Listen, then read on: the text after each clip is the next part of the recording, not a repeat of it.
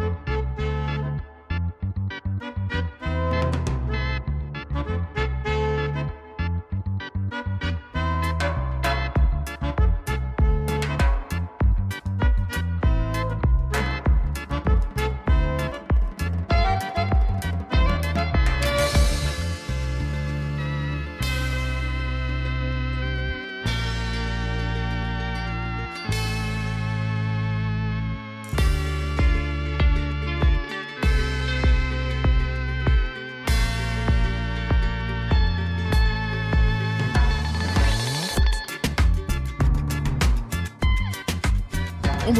zit onze gast, onze eerste gast van eh, vandaag. Dat is uh, Leni Redijk. Leni, fijn dat je er bent. Hallo Niels en hallo Merlijn. Ja. Ik ben blij dat, uh, dat ik ook bij jou mag praten over, over mijn werk. En wat er allemaal gebeurd is. Want jullie hebben verteld wat er bij jullie gebeurd is. Maar je hebt gemerkt dat er ook een tsunami aan reacties gekomen op het thema waar we het uh, naar aanleiding van mijn boek gaan hebben. Ja, er waren heel veel mensen getriggerd. Ja, ja niet, niet door mijn boek alleen. Uh, eigenlijk veel, veel meer door, ja, door ook een film. Hm? Maar ik neem aan dat jullie er wel meer over zullen vertellen. Nou, we hebben, we hebben Graham Hancock, hè, gaat het over. Ja. Ancient Apocalypse, waar jij ook in zit. En daar hebben we al een aantal keer over gehad, Niels en ik. Dus uh, wij vonden dat heel interessant. Het is heel flitsend. Het is, het is heel snel, het is heel snappy, het is heel... Uh, dus, het, is een soort, het is een soort beginnerscursus, zei ik al, van uh, wat er allemaal ja, te vinden is en gevonden is. Op Malta, onder andere. Onder andere, ja. Malta is de derde episode, bestaat uit acht. En uh, wat ik het mooie eraan vind, ik heb, um, um, ik ben natuurlijk een beetje, zeg maar, um, op zijn hand. Uh, er is ook veel kritiek ontstaan, zoals je zult hebben gemerkt. ik vind het mooie eraan dat, die, dat nu eindelijk het, het grote debat over de prehistorie is opengebroken. Het is nu, zeg maar, aan bijna iedereen over de hele wereld uh, is, het, is, het, is het duidelijk dat de prehistorie uit veel meer bestaat dan, zeg maar, jagers, verzamelaars en, en halve wilden of zo, en grotbewoners, die de hele dag bezig waren aan niks anders dan hun eten um, verzorgen en binnenhalen en voor verder niets tijd hadden. Dat is ongeveer het beeld, als ik, als ik zo'n kleine inleiding mag geven. Dat is ongeveer het beeld waarmee wij in het Westen, althans, zijn, uh, zijn opgevoed op school. Tenminste, mijn generatie wel. Ik weet niet hoe dat met die van jullie is. Misschien ja, zeker. Beter, ja, er is nog ja. geen einde gekomen. En, um, en eigenlijk, uh, ik ben ongelooflijk blij, dus naast de kritiek die ik zelf ook heb, ik ben ongelooflijk blij dat eindelijk er met grote power een doorbraak is gekomen in die muur van onwetendheid die voor ons is opgebouwd. En uh, om dan zeg maar met het, met het eind te beginnen. Um, wie zijn verleden niet goed kent, heeft geen toekomst. En dat is het belang van de hele zaak. En dat, is, en dat staat zo boven alles dat ik Graham Hancock eigenlijk. Uh, ik ken hem nu langzamerhand persoonlijk natuurlijk, maar uh, laten we Graham zeggen dus. Uh, dat ik hem ongelooflijk dankbaar ben voor. En Netflix, voor de power. Waarmee ze die doorbraak en die vloedgolf die dat heeft veroorzaakt, um, hebben teweeggebracht. Begrijp je? Het is, het is van groot belang. Wat er ook uit voortvloeit. En ja. er zal veel komen. Ja. ja, nee, precies. En, en uh, ik heb je natuurlijk eerder geïnterviewd voor de andere krant. En ja. Uh, ja die Maltese tempels, uh, daar kwam je mee in aanraking, omdat je zelf ook op Malta gewoond hebt, hè? Um, ja, in, in een notendop. Ik, ik ken Malta al 32 jaar. en heb er zes jaar gewoond, in de jaren 90. Um, en ik, ik ben van beroep uh, vertaler-tolk en ik heb daar zes jaar getolkt in het toerisme. Dat was in de tijd dat het toerisme net op gang kwam. En ik woonde daar dus permanent en zag de krant dagelijks. En dat heeft, uh, ertoe, nou ja, dat heeft ertoe geleid dat ik, uh, dat ik geraakt ben door die cultuur die buiten Malta toen en waarschijnlijk nog altijd volkomen onbekend was. En als ik zeg geraakt, eerder gegrepen, weet je, het heeft me nooit losgelaten. En als je, jullie hebben misschien wat plaatjes om te laten zien, als je, als je de, de beelden ziet van, van de sculpturen, de, de, de maquettes van de, of de tempelgebouwen zelf, dat, want daar gaat het om. Het is een, een, een, uh, een architectuur die ontzaglijk groot is. Dat blijkt ook uit, uh, uit die episode 3 van de film. Um, ja, dit is de onderaardse tempel um, die je nu laat zien. Dat is waarschijnlijk een van de eerste, uh, maar dan onderaardse bouwwerken die er gebouwd zijn. En daar is uh, later is de tempelcultuur uit voortgekomen. Boven de aarde, die immens groot is. En gevuld met altaren met, met de meest fantastische reliefs, zeer verfijnd gemaakt uh, met stenen werktuigen. Dus een cultuur uit de steentijd moeten we, het, uh, moeten we zien, die uh, officieel gedateerd wordt tot de jonge steentijd, dat is 3500 tot 2500 voor Christus. Dus de theorie is eigenlijk de eerste mensen landen op Malta in 5200 voor Christus. Dat is het eind van de, van de steentijd. En, en bijna uh, en duizend jaar later begonnen ze met het bouwen van tempels. For no reason at all. Niemand weet waarom. Um, zomaar. En dat duurde dan 1200 jaar en toen was de cultuur ten einde. En na die, in die 1200 jaar zouden ze dan, dat is dan de, de, de, de theorie. Uh, in totaal 66, of op zijn minst 43 van die megalietbouwwerken gebouwd hebben. Dus we hebben, uh, jullie hebben nog geen plaatje laten zien hoe, uh, van hoe de, de tempels boven de aarde eruit zien, maar misschien komt dat nog. Ja, misschien um, wel even laten zien, want die hebben we wel, Marlijn. Dat we die even pakken voor, uh, ja, voor het verhaal. Dat zou... Er zijn heel veel tempels op Malta, dat is echt ongelooflijk, hè? Heel veel. Dus, uh, ik, heb, ik heb wat plaatjes, uh, Lady. Laten we daar gewoon maar even doorheen gaan, want ik heb ze een beetje zo lukraak bij elkaar uh, gezet. Ja, dat is nog steeds de onderaardse tempel, maar je ziet hier al een, um, een, een soort um, beeld van hoe de bovenaardse tempels er van binnen uitzagen. Dus um, rond en overdekt. Ik weet niet hoeveel je nog meer je er nog hebt. Uh, dat, is ook, uh, dat zijn uh, um, tekeningen uit de onderaardse tempel. Oké. Okay. Ja, dat is de façade van Naidra. En dat is een heel mooie foto. Um, de façade van een tempel die gericht is op de opgaande zon van de equinox, dat is het lentepunt, en het herfstpunt. Dus dat is, ja, dit is een, uh, uh, de achterzijde van Hadjarim. Een tempel die 500 meter van Naidra vandaan staat. Naidra is halverwege de heuvel aan zee.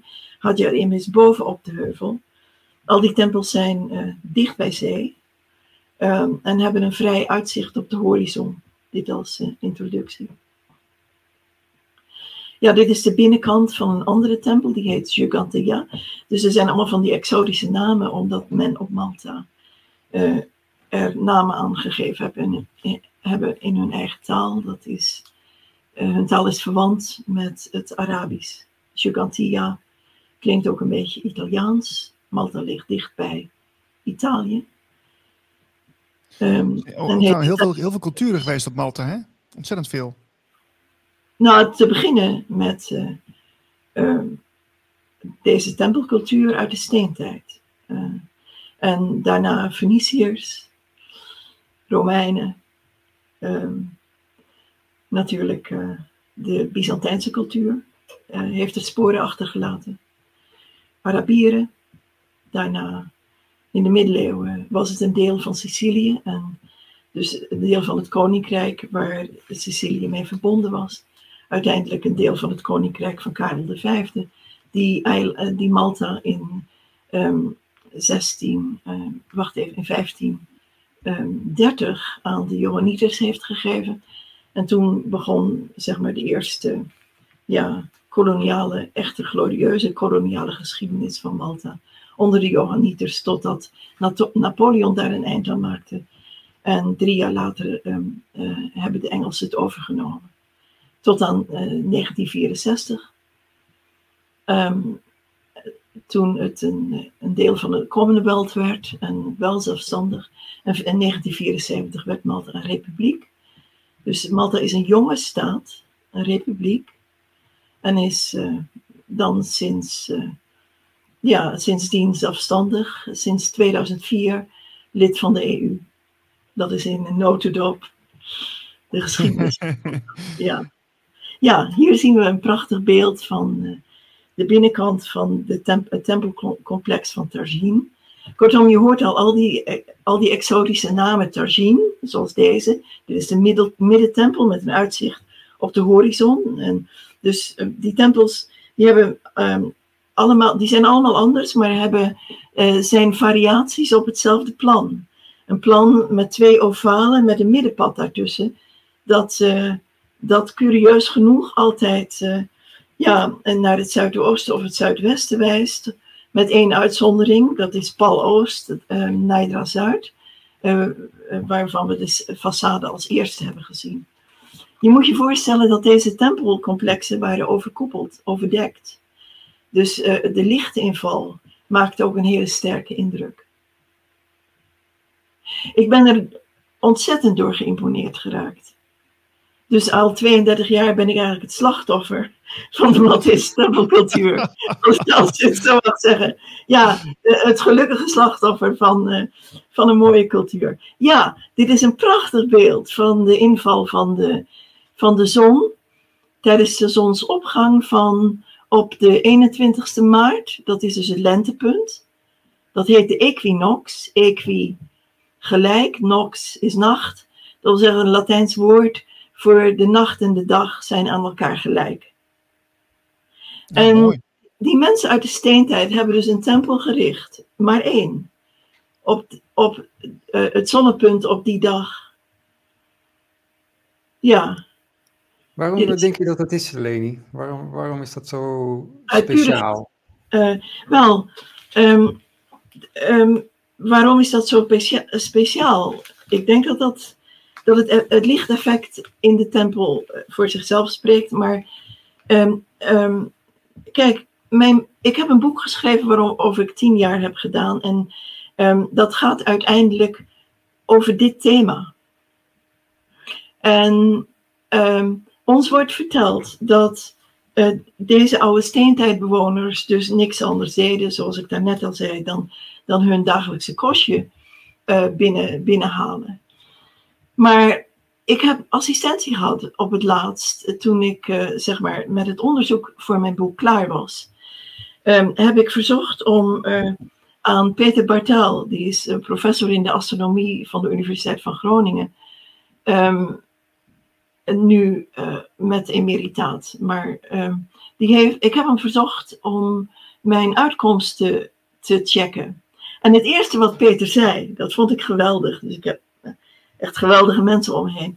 Het eerste wat Peter zei uh, toen ik hem vertelde, kijk, uh, ja, kun je mijn uitkomsten checken? Zei hij, ja, graag, wil ik wel doen.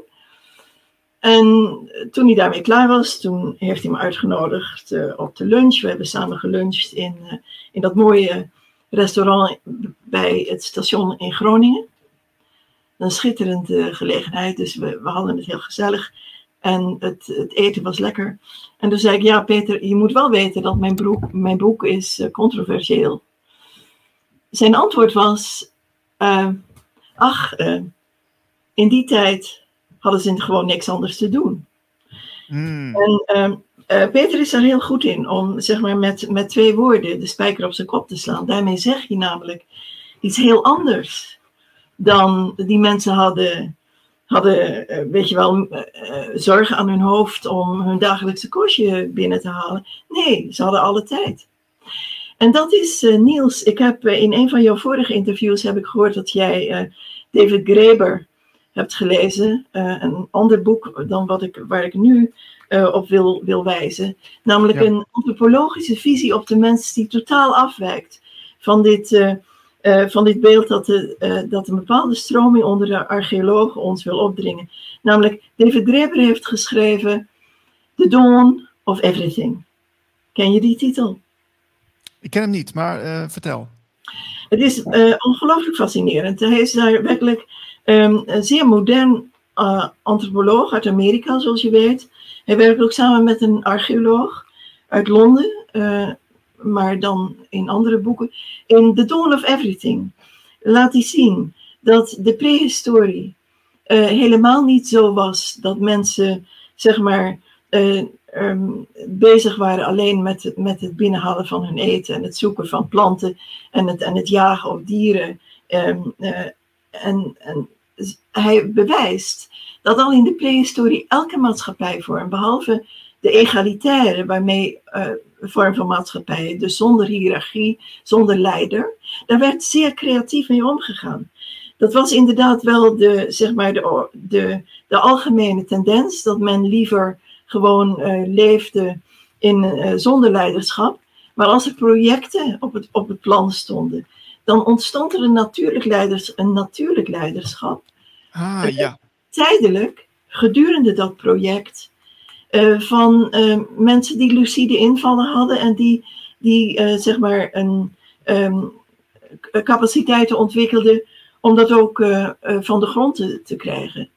En dat wel onder, um, op die manier vind je in, onder prehistorische mensen um, in principe de aanleg tot elke vorm van maatschappij, die dan fluctueert en nooit een vaste staatsvorm aanneemt.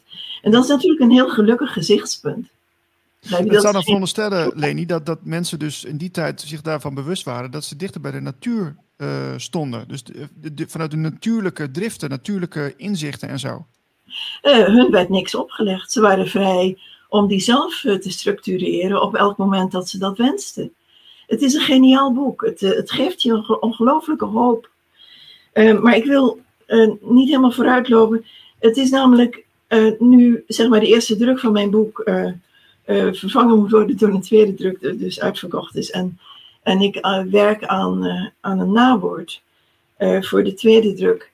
Um, ja, wil ik dat erin verweven? Ehm, namelijk, het is natuurlijk een, een ongelooflijk mooi perspectief dat dat uh, elke maatschappijvorm leidt tot, uh, zelfs al heb je alleen maar blote handen en al is die technologie nog zo primitief, wat de onze nooit meer is en nooit meer zal zijn.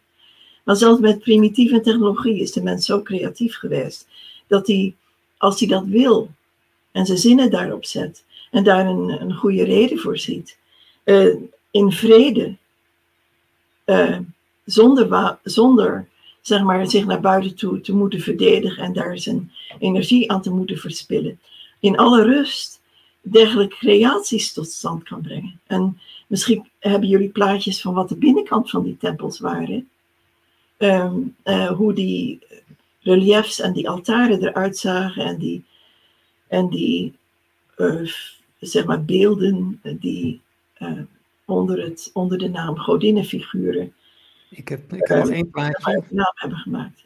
ja, plaatje. je hebt nog één plaatje. plaatje. Oké, ja, dat is ook uit het hypogeem. Uh, dat is de, in het Engels gezegd de sleeping lady. Een, uh, een tempelslaap godinnenfiguurtje of een priesteres. Um, het is heel klein. In het echt is het 12 centimeter lang. En het is ongelooflijk mooi gemodelleerd. Het wordt tentoongesteld in het Archeologische Museum in Valletta wat rijk is, een grote rijkdom heeft. Dus omdat jullie uh, niet meer plaatjes hebben van, van zeg maar de, de kunstvoorwerpen in die tempels, uh, kan de, de kijker misschien zelf gewoon googelen op uh, zeg maar de godin van Malta of, of beelden van de Maltese tempels. En dan word je overspoeld met de mooiste beelden. Dus dat kun je ook dan zelf wel bekijken. Ja. Oh, kijk, je hebt hier nog eentje. Dat is de overzichtje. Ja. Dat is de kaart uit mijn boek, waarin waarin ik uit de survey van John Evans uit 1956 tot 64 uh, eh, alle tempelplaatsen die hij daar beschrijft, of alle megalietplaatsen beter gezegd, uh, aangeven op de kaart. En ik geef met verschillende tinten grijs aan, zwart tot wit en grijs daartussen.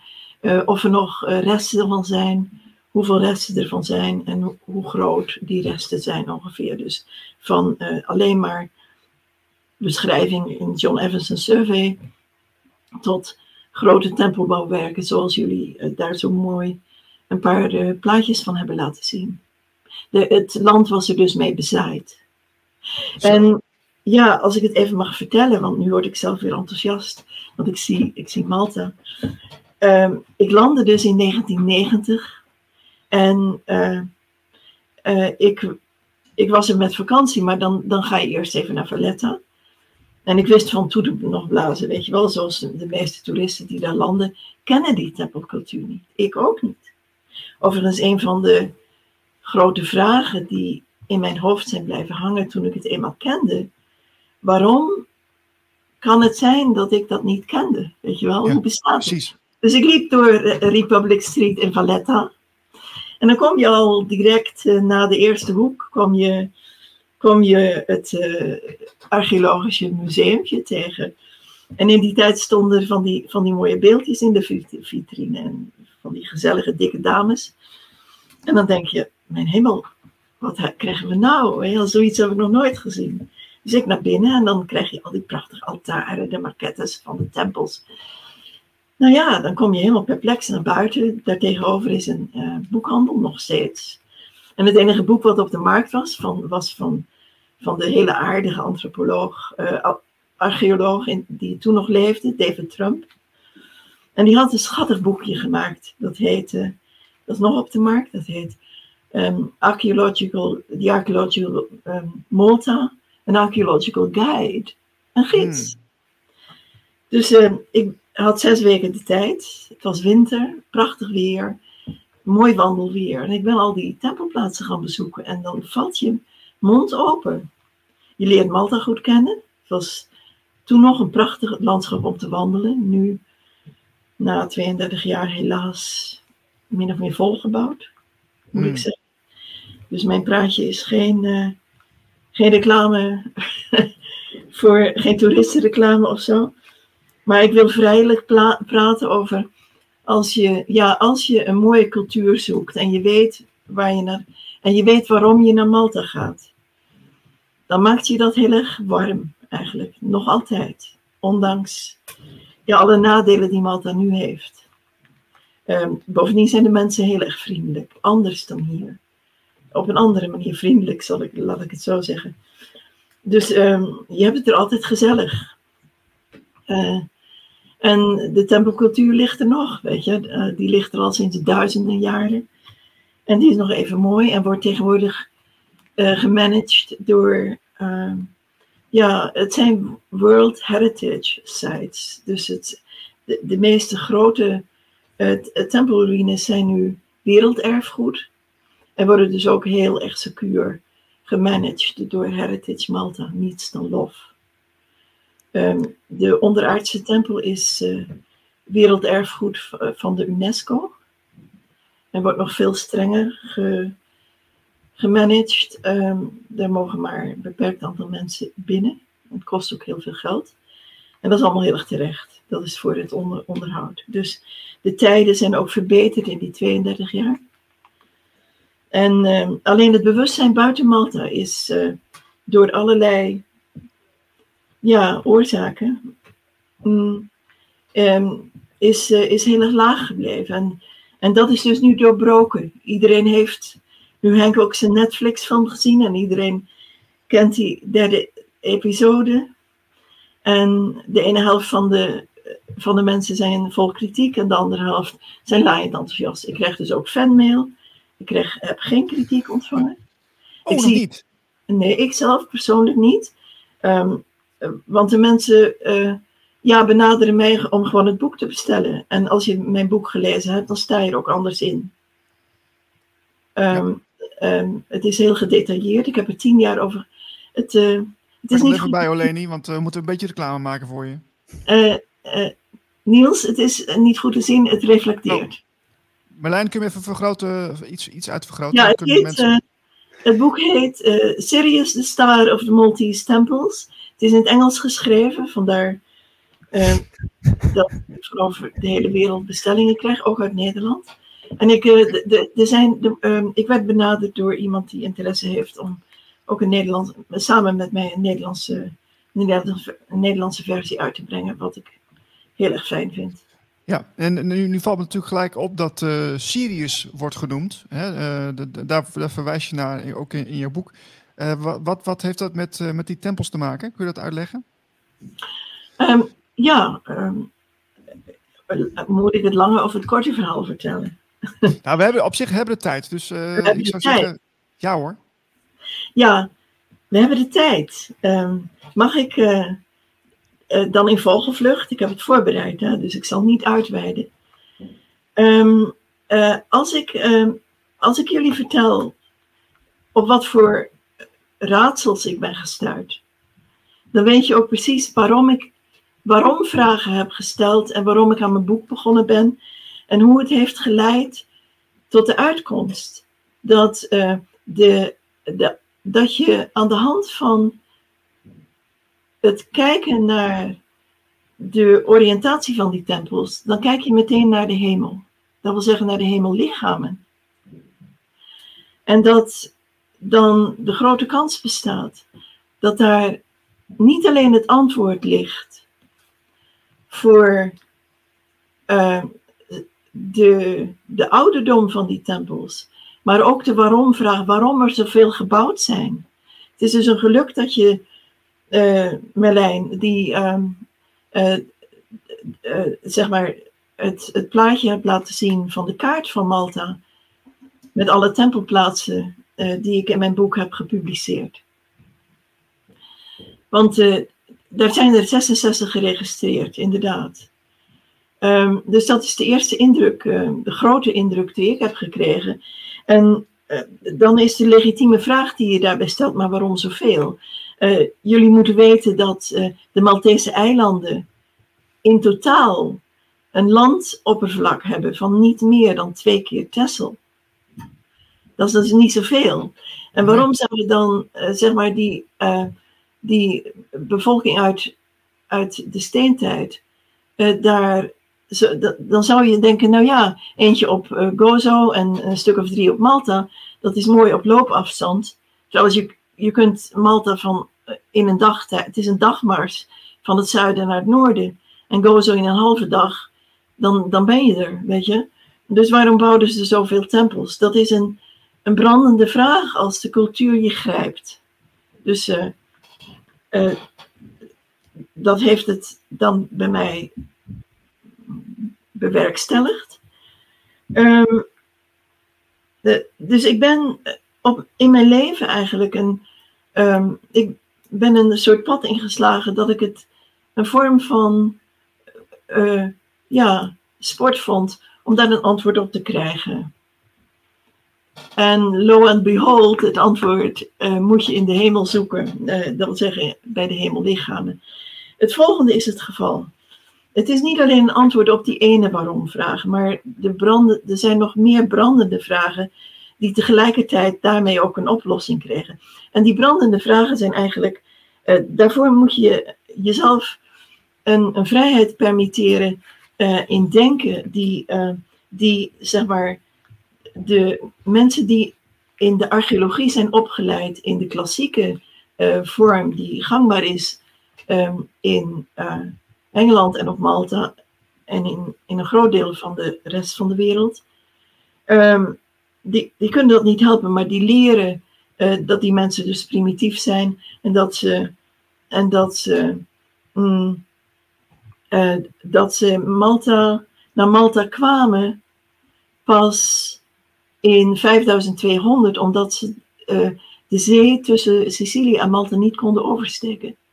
Ze beheersten de zeevaart niet. Mm, okay. Dus ze konden niet eerder komen dan die tijd. En ze kwamen in een paar boten met een paar koeien. En ze begonnen daar de landbouw. En na duizend jaar begonnen ze met de eerste tempel. En uh, de, radio, de datering, radio uh, koolstofdatering, wees uit dat uh, aan de hand van potscherven en de sequentie van de potscherven, dat Gigantia, uh, de grootste tempel, ook meteen de, de eerste was die ze begonnen te bouwen. Oké. Um, ik heb dus in het toerisme gewerkt en ik heb dat uh, um, gevolgd. Uh, waarom zou je een reden hebben om daaraan te twijfelen, behalve dat het, het, het soort het gevoel in je binnenste dat, dat daarmee geen antwoord wordt gegeven op de vraag, maar waarom dan al die tempels enzovoort en enzovoort, dat blijft bestaan. Maar je hebt geen enkele reden eigenlijk om daaraan te twijfelen. En dat, dat doe je normaal gesproken niet. Ik ben ook niet um, op dit pad ingeslagen omdat ik, omdat ik zou twijfelen aan de gedegenheid van archeologen. Um, dat doe ik op zichzelf nog niet. Ik twijfel alleen aan het feit dat de prehistorie uh, dus over is gelaten aan alleen archeologen tot nu toe. Um, en dat is een narratief. Want eh, het wordt immers niet gebaseerd op, op overgeleverd schrift. Want dan, dan zouden we niet praten over prehistorie, maar over de geschiedenis, de geschreven geschiedenis. Maar we praten over een tijd van voor de geschreven geschiedenis. Zo, the best guess is the best guess. Weet je wel? Uh, iedereen met de dikste duim of de best, het meeste, meeste bewijs of de grootste mond heeft, uh, krijgt de meeste volgelingen. Ja. Dus uh, Leni, als ik even mag uh, toevoegen, zeg je dan eigenlijk van de, de archeologie zoals, zoals dat nu is, die kijkt met een ja, toch een beetje een vernauwde blik naar hoe het misschien was, hoe het geleerd is? Um, ik denk dat niemand met een vernauwde blik kijkt, maar met een geloof. Um, en um, en de antropologen ke kennen dit. De antropologie heeft een ongelooflijke ontwikkeling doorgemaakt, maar is begonnen als uh, sociaal-darwinistische interpretatie van de wereld.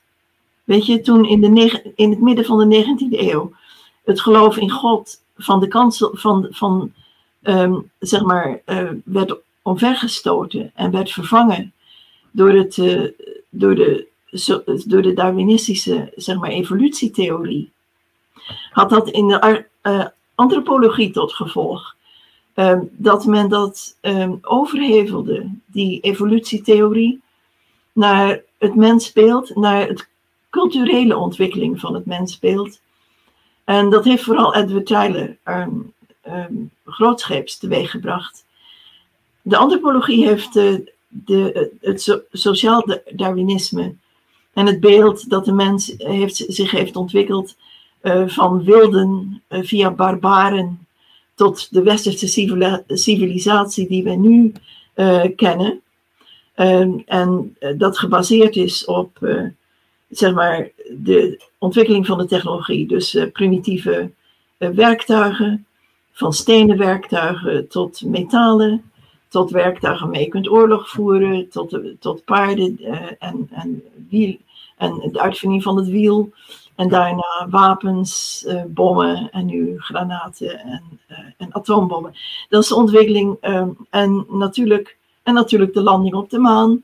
Um, uh, zeg maar, ruimte vliegen naar, naar Malta, naar Australië, om de wereld en, en naar de maan en, en straks naar Mars.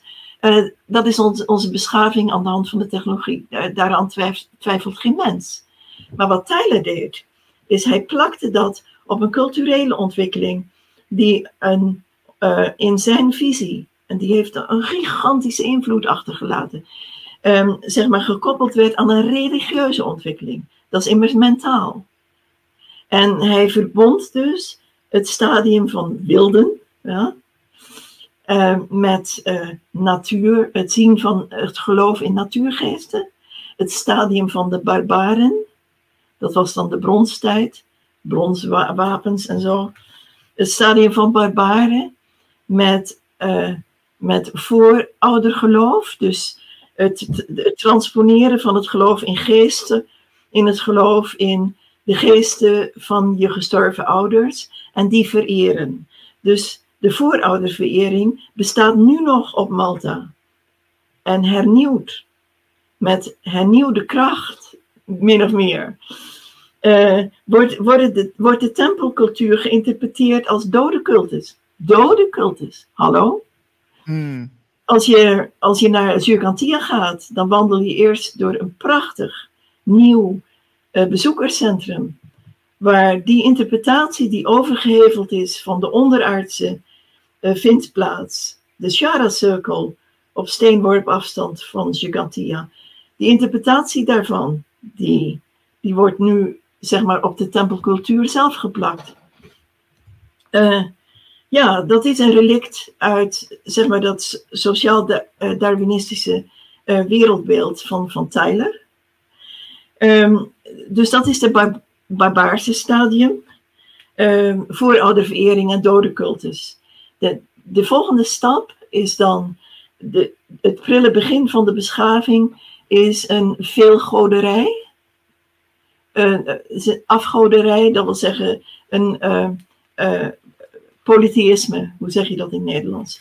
Um, het, de verering van, van veel goden. Dat is mm -hmm. het Romeinse Rijk. Wat overgaat in het monotheïsme van het, uh, van de, uh, zeg maar, van het christendom, uh, de islam. De ja. en en zeg maar, het, het, het Joodse geloof. Dus de drie grote monotheïstische geloven uh, zouden dus het begin van de grote beschavingen hebben ingeleid. Dat is het Tyleriaanse wereldbeeld, wat, uh, wat ongelooflijk van invloed is geweest. Want het klinkt ons bekend, nietwaar, denk ik. Zeker, ja, ja. Ja, ik uh, vertel hier niks nieuws of zo. Um, en dat, um, dat heerst. Um, hoe kwam ik hierop? Nou, dat ik, dat ik helemaal geen reden had in het begin om ook maar aan iets te twijfelen. Maar ik landde dus op 1990 in Malta. Even kijken, ik heb nog 20 minuten. In, 1993. Ik las dus de krant elke dag. En ik had het er heel gezellig. Ja, ik, ik was gewoon gids en verder niets. En in 1993 verscheen er in de Times of Malta verscheen er een brief van Marquise, Mar Marquise Chicluna. En in die brief zat een, een foto of die foto uh, werd geplaatst in de reactie op die brief. Dan wil ik even afwezen. Ik ken die foto uit die tijd. Uh, Shikluna was commandant geweest in de Royal Navy en publiceerde uh, ze een, een, een, verslag van het bestaan van een, een tempel, een ruïne onder water voor de kust van Slima. En hij wees daarop. Hij had als Royal Navy officier in de tijd had hij daar, zeg ooggetuigen kennis van. Daarop is toen uh, een heleboel, wel, de, twee jaar later is een heleboel gevolgd. Um, er is een, een Duitser geweest die heeft geprobeerd daar onderzoek naar te doen en is daar niet in geslaagd. Maar dat krijgt nog een staartje. Ik ga even snel verder in vogelvlucht. 1995, dus ik was nog steeds op Malta uh, kwam het boek uit Dossier Malta van Anton Mifsud. Anton Mifsud zie je in episode 3 van Ancient Apocalypse van Hancock. Zie je als de man in die grot. Anton Mifsud is een universiteitsdocent geweest en arts. En heeft onderzoek gedaan naar de ware ouderdom van, van kiezen, die, mensen kiezen die gevonden zijn in die grot. En kwam tot de, zeg maar, uh, conclusie, waar niemand nooit aan gedacht had. Dat uh, die kiezen dateerden uit de oude steentijd, het Paleolithicum, de ijstijd. Plotseling uh, werd een, uh, een, een raam geopend op een, op een uitzicht op een veel oudere um, mensencultuur op de Maltese eilanden. En dat is dan het eerste licht wat je opgaat. Dus Anton heeft dus heel veel teweeg gebracht. En als je dat leest, vind je dat heel interessant. Maar wat mij heeft wakker geschud is de ongelooflijk furoren die dat teweeg bracht. En de ontzetting in de krant, de pushback tegen, tegen Anton. En dan denk je, maar in mijn hemel, waarom? Ja, nou ja, Leni, jij vertelde mij ook uh, onlangs dat er, uh, dat heb ik dan even gemist, maar er waren dus ook Nederlandse archeologen op Malta. En die uh, zijn uiteindelijk in de gevangenis terechtgekomen, hè? Nou, die hebben een dagje in, in het politiebureau gezeten. Dat heb ik, dat heb ik, dat was er één daarvan. Um, dat zijn vreselijk aardige mensen, die hebben, um, die waren toen heel jong. Het was, die hebben tussen 1991 en 1993 heel erg nuttig werk gedaan.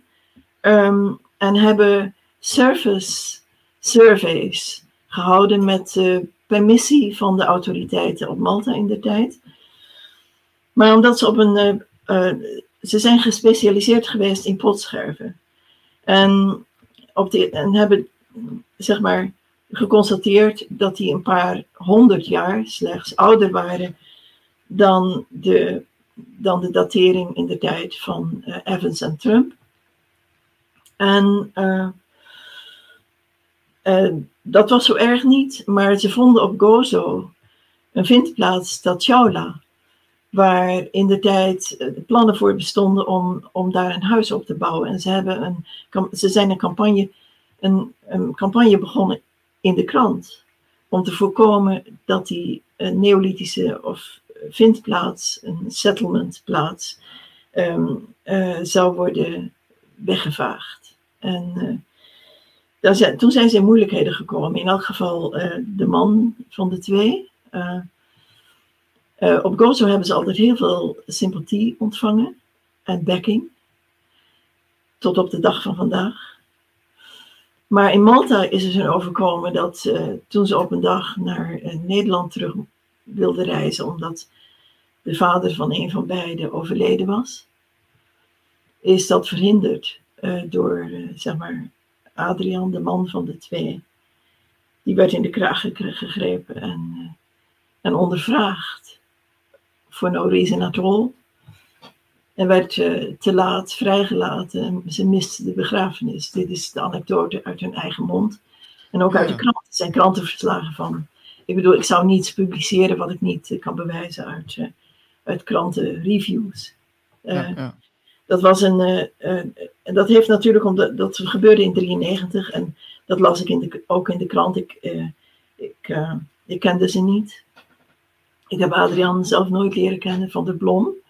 En Veronica Veen heeft overigens een schattig boekje geschreven over de Goddess of Malta. Een, een gestenceld pamflet eigenlijk, wat in de tijd een bestseller was, op Gozo vooral. En en ze, maakte, ze was op Gozo heel geliefd. Dus het was een hele spannende tijd. Er, er werd aan alle kanten werd er ge, ja, zij hebben nooit uh, getwijfeld aan de chronologie.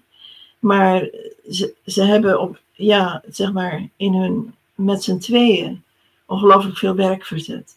Die vindplaats overigens, Tatjaula, is beroemd geworden en is nu later eh, beschermd en ze krijgen nu van de zomer een kleine tentoonstelling in Victoria Gozo over hun werk. En daar ben ik ongelooflijk blij mee.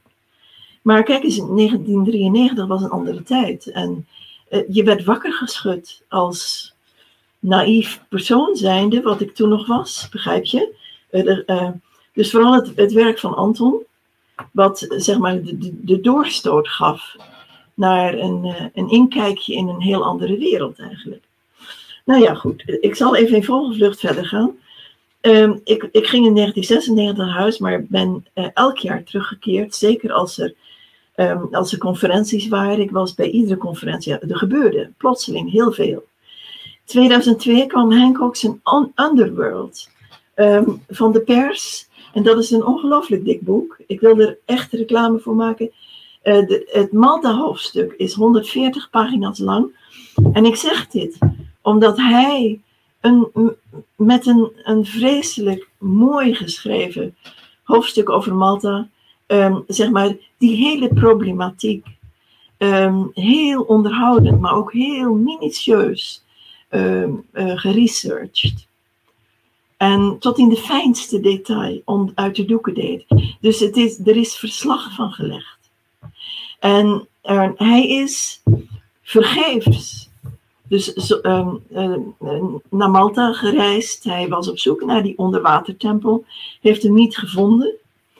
Uh, dat ligt niet aan hem. Ik ken Malta inmiddels goed genoeg om te weten dat hij waarschijnlijk misleid is. Ik wil niet zeggen door wie, maar uh, hmm. ik geloof niet dat het ehm, per se Maltese waren. In elk geval, um, hij is dus onverrichte zaken uit Malta teruggekomen, is drie keer teruggegaan. Um, dus eh, dat kwam in 2002 uit. Wij hebben dat allemaal met, ik en mijn vrienden, met, uh, met rode oren gelezen.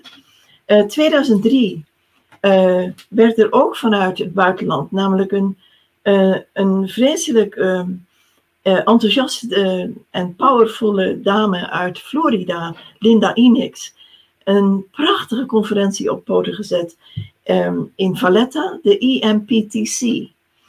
Exploring the Maltese Temple Culture Conference. En daarin gebeurden drie waanzinnig belangrijke dingen. Op de eerste plaats.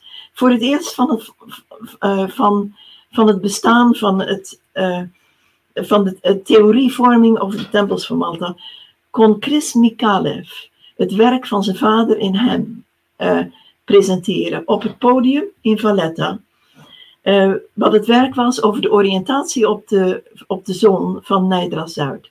Op de tweede plaats kreeg Malta kreeg um, Malta voor het eerst dus een perspectief um, uh, op, uh, op een astronomisch belang van de tempels. Ah. En, het ah. door, en het werd door, door David Trump, de enige archeoloog op Malta, die uh, zeg maar toen vanuit het buitenland het voor het, ja, zeg maar de scepter voerde, maar in alle vriendelijkheid. Die was zo open-minded dat hij uh, zeg maar in zijn uh, conclusie, in zijn besluit en zijn um, praatje op die conferentie, op het podium, zei dat hij dit accepteerde. Daarmee was dus het hek van de dam. En de autoriteiten begonnen ook uh, Naidra open te stellen in de vroege ochtend voor een groter publiek. En daarmee begon dus uh, zeg maar het grote enthousiasme voor de, in, in, bij het grotere publiek voor de, voor de uh, astronomie van de Maltese tempels. Uh, baanbrekend, hè, die, die, meneer Trump, die je net aanhaalt, ja. die, kon hij toen daarna nog wel weer naar Malta toe reizen of was het helemaal gedaan daarna? Nee, nee, nee. Okay. dat was bijzonder gezaghebbend. Ehm, David Trump heeft wat dat betreft ongelooflijk goed werk gedaan. Zijn interpretatie van de tempelcultuur was nog heel ouderwets, dat het een godinnencultuur is. Alleen natuurlijk als archeoloog zijnde kon je aan de chronologie en de datering niet, uh, niet tornen. Nee, okay. uh, dat is uh, oké, okay, fair enough. Dat is een geloof of een overtuiging. dat is gebaseerd op radiokoolstofdateringen, waar, je, um, waar, waar natuurlijk alle archeologen mee komen. Um, en waar je een vraagteken bij kan zetten, omdat uh, radiokoolstofdateringen steen, stenen gebouwen op zichzelf niet kunnen dateren, maar wel uh, vondsten die koolstof, zeg maar, uh, die koolstof bevatten. Zoals potscherven eh, bevatten plantenresten, skeletten van dieren en mensen bevatten koolstof, omdat dat tijdens hun leven wordt ingeademd. dat kon je met de radiokoolstofmethode dateren. Uh, dus alle dateringen van de tempels zijn gebaseerd op potscherfdatering en uh, um, plantenresten uh, die in associatie met die tempels worden gevonden. De, de, bouwwerken zelf kunnen daarmee niet worden gedateerd. Dus dat is in notendop het, uh, het probleem of, of ook niet. het ligt eraan welke positie je daarin inneemt. Ik vind het dus een probleem. Um, dat was 2003. In 2006 komt er een, een, conferentie in Bergu, dat is aan de andere kant van de grote haven bij Valletta, waarin wordt gepresenteerd dat er in de onderaardse tempel, waar jullie zulke mooie plaatjes van hebben laten zien hier, tijdens deze uitzending, een ruimte is waar een akoestiek gemeten is, die bewerkstelligt dat de mens op een, um, als, die, als een mannenstem een bepaalde lage toon genereert. De mensen die zich in die ruimte bevinden, in het hele hypogeum bevinden, um, in een trance toestand raken of in een, in een toestand van een veranderd bewustzijn. En um, dat onderzoek is verfijnd. En dat is ook met verfijndere instrumenten gemeten. En je kunt ook, het, het, is 114 hertz. En dat is uh, bewezen um, uh, dat in de neurowetenschap, dat dit inderdaad een trance toestand bij mensen, zeg maar, teweeg brengt.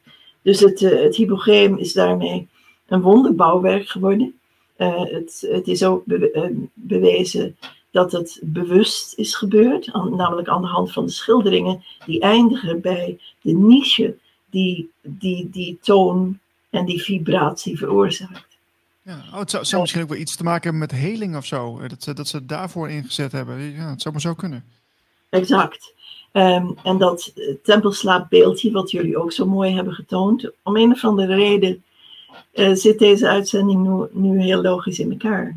Alle, zeg maar, beelden zijn er. Dus dat kleine liggende figuurtje wat jullie hebben, de Sleeping Lady of de hypo, Hypogeum, het ja. tempelslaapfiguurtje, uh, heeft misschien ook, dat is speculatie exact, um, dat heeft misschien ook te maken met een uh, tempelslaapgenezing, uh, die, waar, waarvan in de, in de klassieke oudheid bekend is dat, dat een dergelijke geneeskunst werd gepraktiseerd.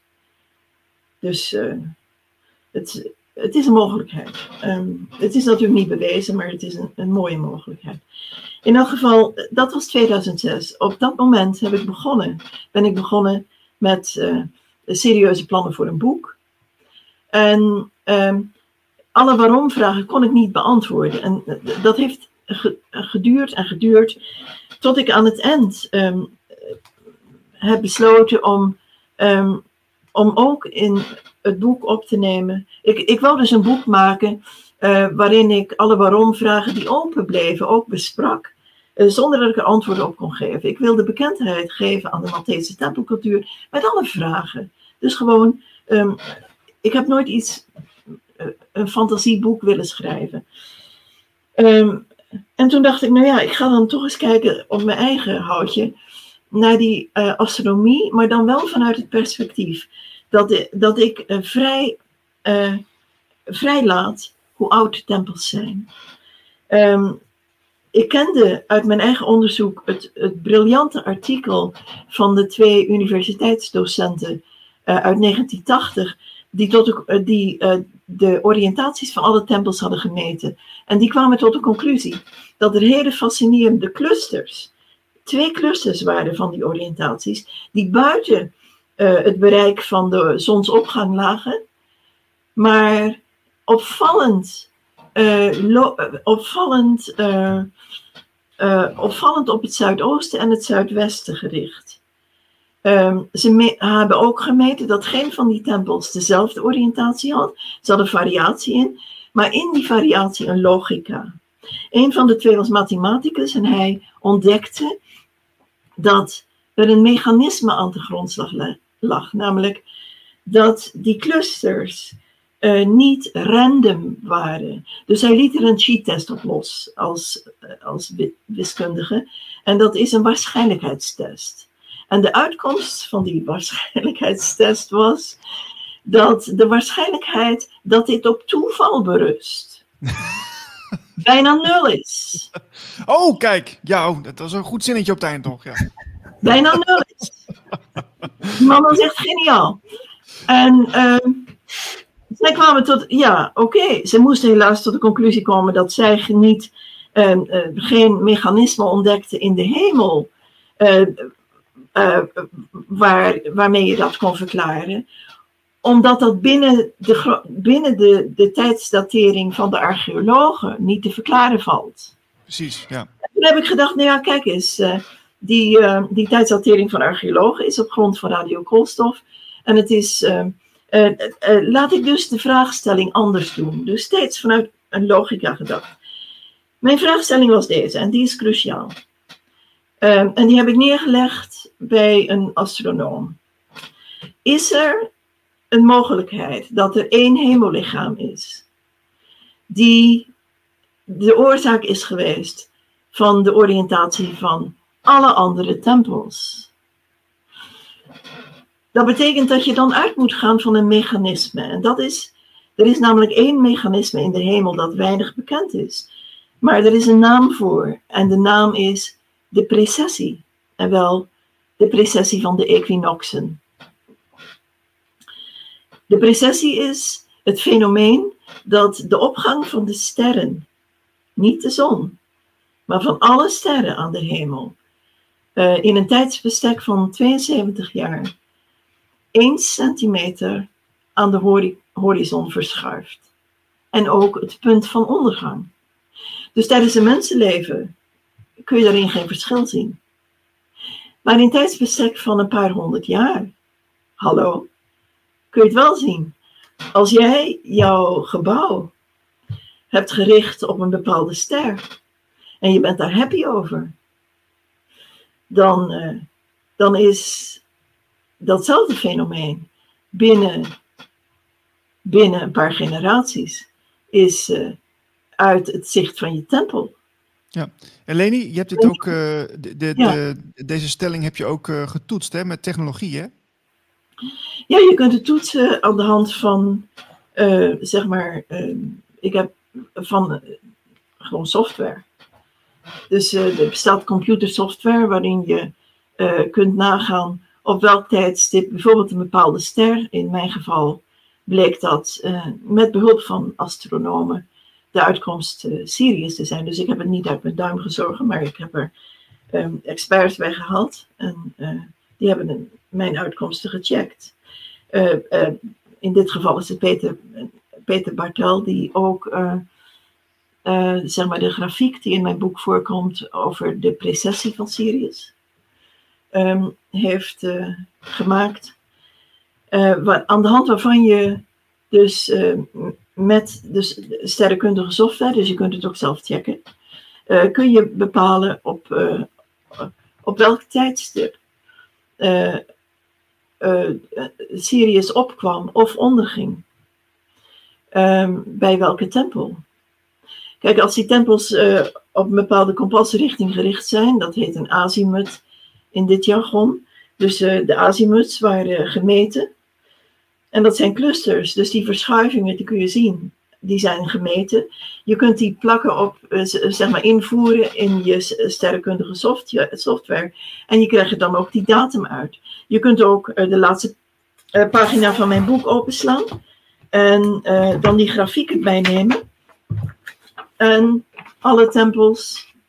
En de datering van, van alle tempels bij de tijdslijn. De tijdslijn volgt uit de azimut. Oh ja, ja. En het verschil tussen de opgang en de ondergang is. Um, uh, uh, geeft dan ook een tijdsverschuiving. Dus um, in, op die manier um, is er een verklaring gevonden voor de hoeveelheid tempels. ze moesten een nieuwe tempel bouwen. Als je je tempel weer gericht wilt houden op Sirius, dan moet je een nieuwe tempel bouwen op het moment die uit uit het vizier van je, uh, van je tempel wandelt. Ja, maar dat betekent dus ook, uh, Leni, dat als we al die tempels uh, ze, ja, even, even erbij pakken, dat, dus, dat, dat heeft een hele lange tijd heeft dat geduurd dat die cultuur uh, daar is geweest. Want er zijn heel veel tempels die dus opnieuw zijn gebouwd. Ja, door de precessie was Sirius op de breedtegraad van Malta duizenden jaren lang onzichtbaar en achter de horizon. Maar in 9000, ongeveer 400, kwam hij op de horizon. En wel op het, pal op het zuiden. Als een ster op de horizon staat, kun je hem nog niet zien door de refractie en door, en door, de, zeg maar, door de, atmos, de luchtatmosfeer.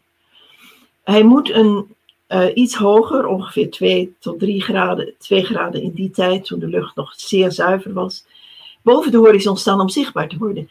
Dat gebeurde rond 9200, pakweg 9150.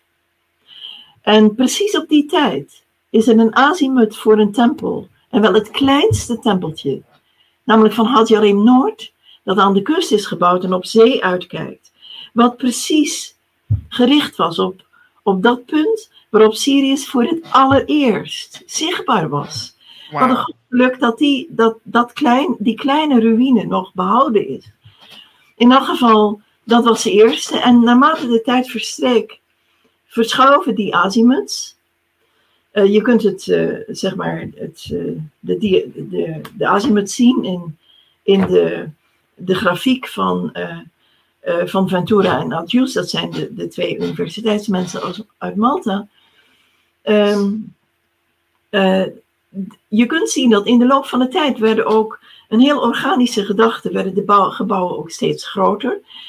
Het leuke is dat ze zowel op de opgang als de ondergang werden gericht. Dat wil zeggen, um, dat ga ik nu inbouwen in mijn nawoord, uh, dat men in die tijd al wist dat er een periode in het jaar was dat Sirius niet zichtbaar was. Kijk, als hij in mei ondergaat voor het laatst en je ziet hem dan niet meer in de zon. Sirius is een winterster. Dat weten we allemaal. Hij staat nu glanzend, zeker in de Middellandse Zee, aan de lucht. Ja? Um, uh, en is heel erg, het is de helderste ster van de, van de hemel ook nog. Drie keer helderder dan de op, op één na helderste ster. Um, het is dan ook heel logisch dat die mensen er zeer door gefascineerd waren. Bovendien kun je, uh, kun je heeft Sirius in de, in, voor de zeevaarders een grote betekenis, omdat, je, uh, omdat Sirius altijd voor zee, zeevaarders voor de nachtzeevaart werd gebruikt om je te oriënteren. Immers, overdag kun je aan de zon oriënteren, overdag heb je geen zon. Dus om nee, nee. ja. Uh, de, de tempels, die kun je dan heel makkelijk, uh, als je die linkt aan waar Sirius stond, dan kun je al die tempels makkelijk op volgorde zetten. Oké, eerst kwam die, en toen kwam die, en toen kwam die. Maar wat ze dus niet hebben gedaan, is die oude tempel, waar ze dus niks meer aan hadden, want hij stond, die stond niet meer recht tegenover Sirius, hebben ze, niet, hebben ze niks meer gedaan, hebben ze gewoon laten staan. Elke keer weer. Um, op de meeste plaatsen wel. Ik, uh, uh, ik, ik krijg de indruk dat de grootste tempelplaatsen zoals Tarjin, Skantia, Hajarim, Naidra, die nu nog al zeg maar werelderfgoed zijn geworden, uh, dat de, de oudere tempels zeg maar, zijn geïncorporeerd in de nieuwere die op diezelfde site werd gebouwd. Maar dat er ook plaatsen zijn die nu, die nu niet meer bestaan, of waarvan nu alleen nog maar een paar brokken over zijn, die werden verlaten. Dus die, waar men niet meer terugkwam om te bouwen. En dat dat ook de reden is uh, dat die uh, niet meer goed of helemaal niet meer uh, bewaard zijn gebleven. Begrijp je wat ik bedoel? Um, dus dat varieert. Soms ja. zijn ze geïncorporeerd tot overigens tot in het christendom aan toe. Er is één geniale site, dat is Tatsilj, waar de Feniciërs een Fenicische tempel voor Tanit hebben gebouwd op, op de de plek van de oude steentijdtempel. De Rome en de Romeinen een tempel voor Juno. En de steentijdtempel hebben gerespecteerd, hebben laten bestaan. Tot het christendom er een christelijke, zeg maar, basiliek of wat dan ook opbouwde, een kleintje. En die tempel voor een groot deel hebben verwoest, uh, hmm. zou ik zeggen. In elk geval. Kan, kan, het ook zo zijn, want uh, ik ga nu twee dingen door elkaar halen, dat uh, weet ik. Maar je hebt de uh, Göbekli Tepe in uh, Turkije. Ja. Dat, dat schijnen ze gewoon dichtgegooid te hebben. Toen, hè, duizend jaar, jaar geleden.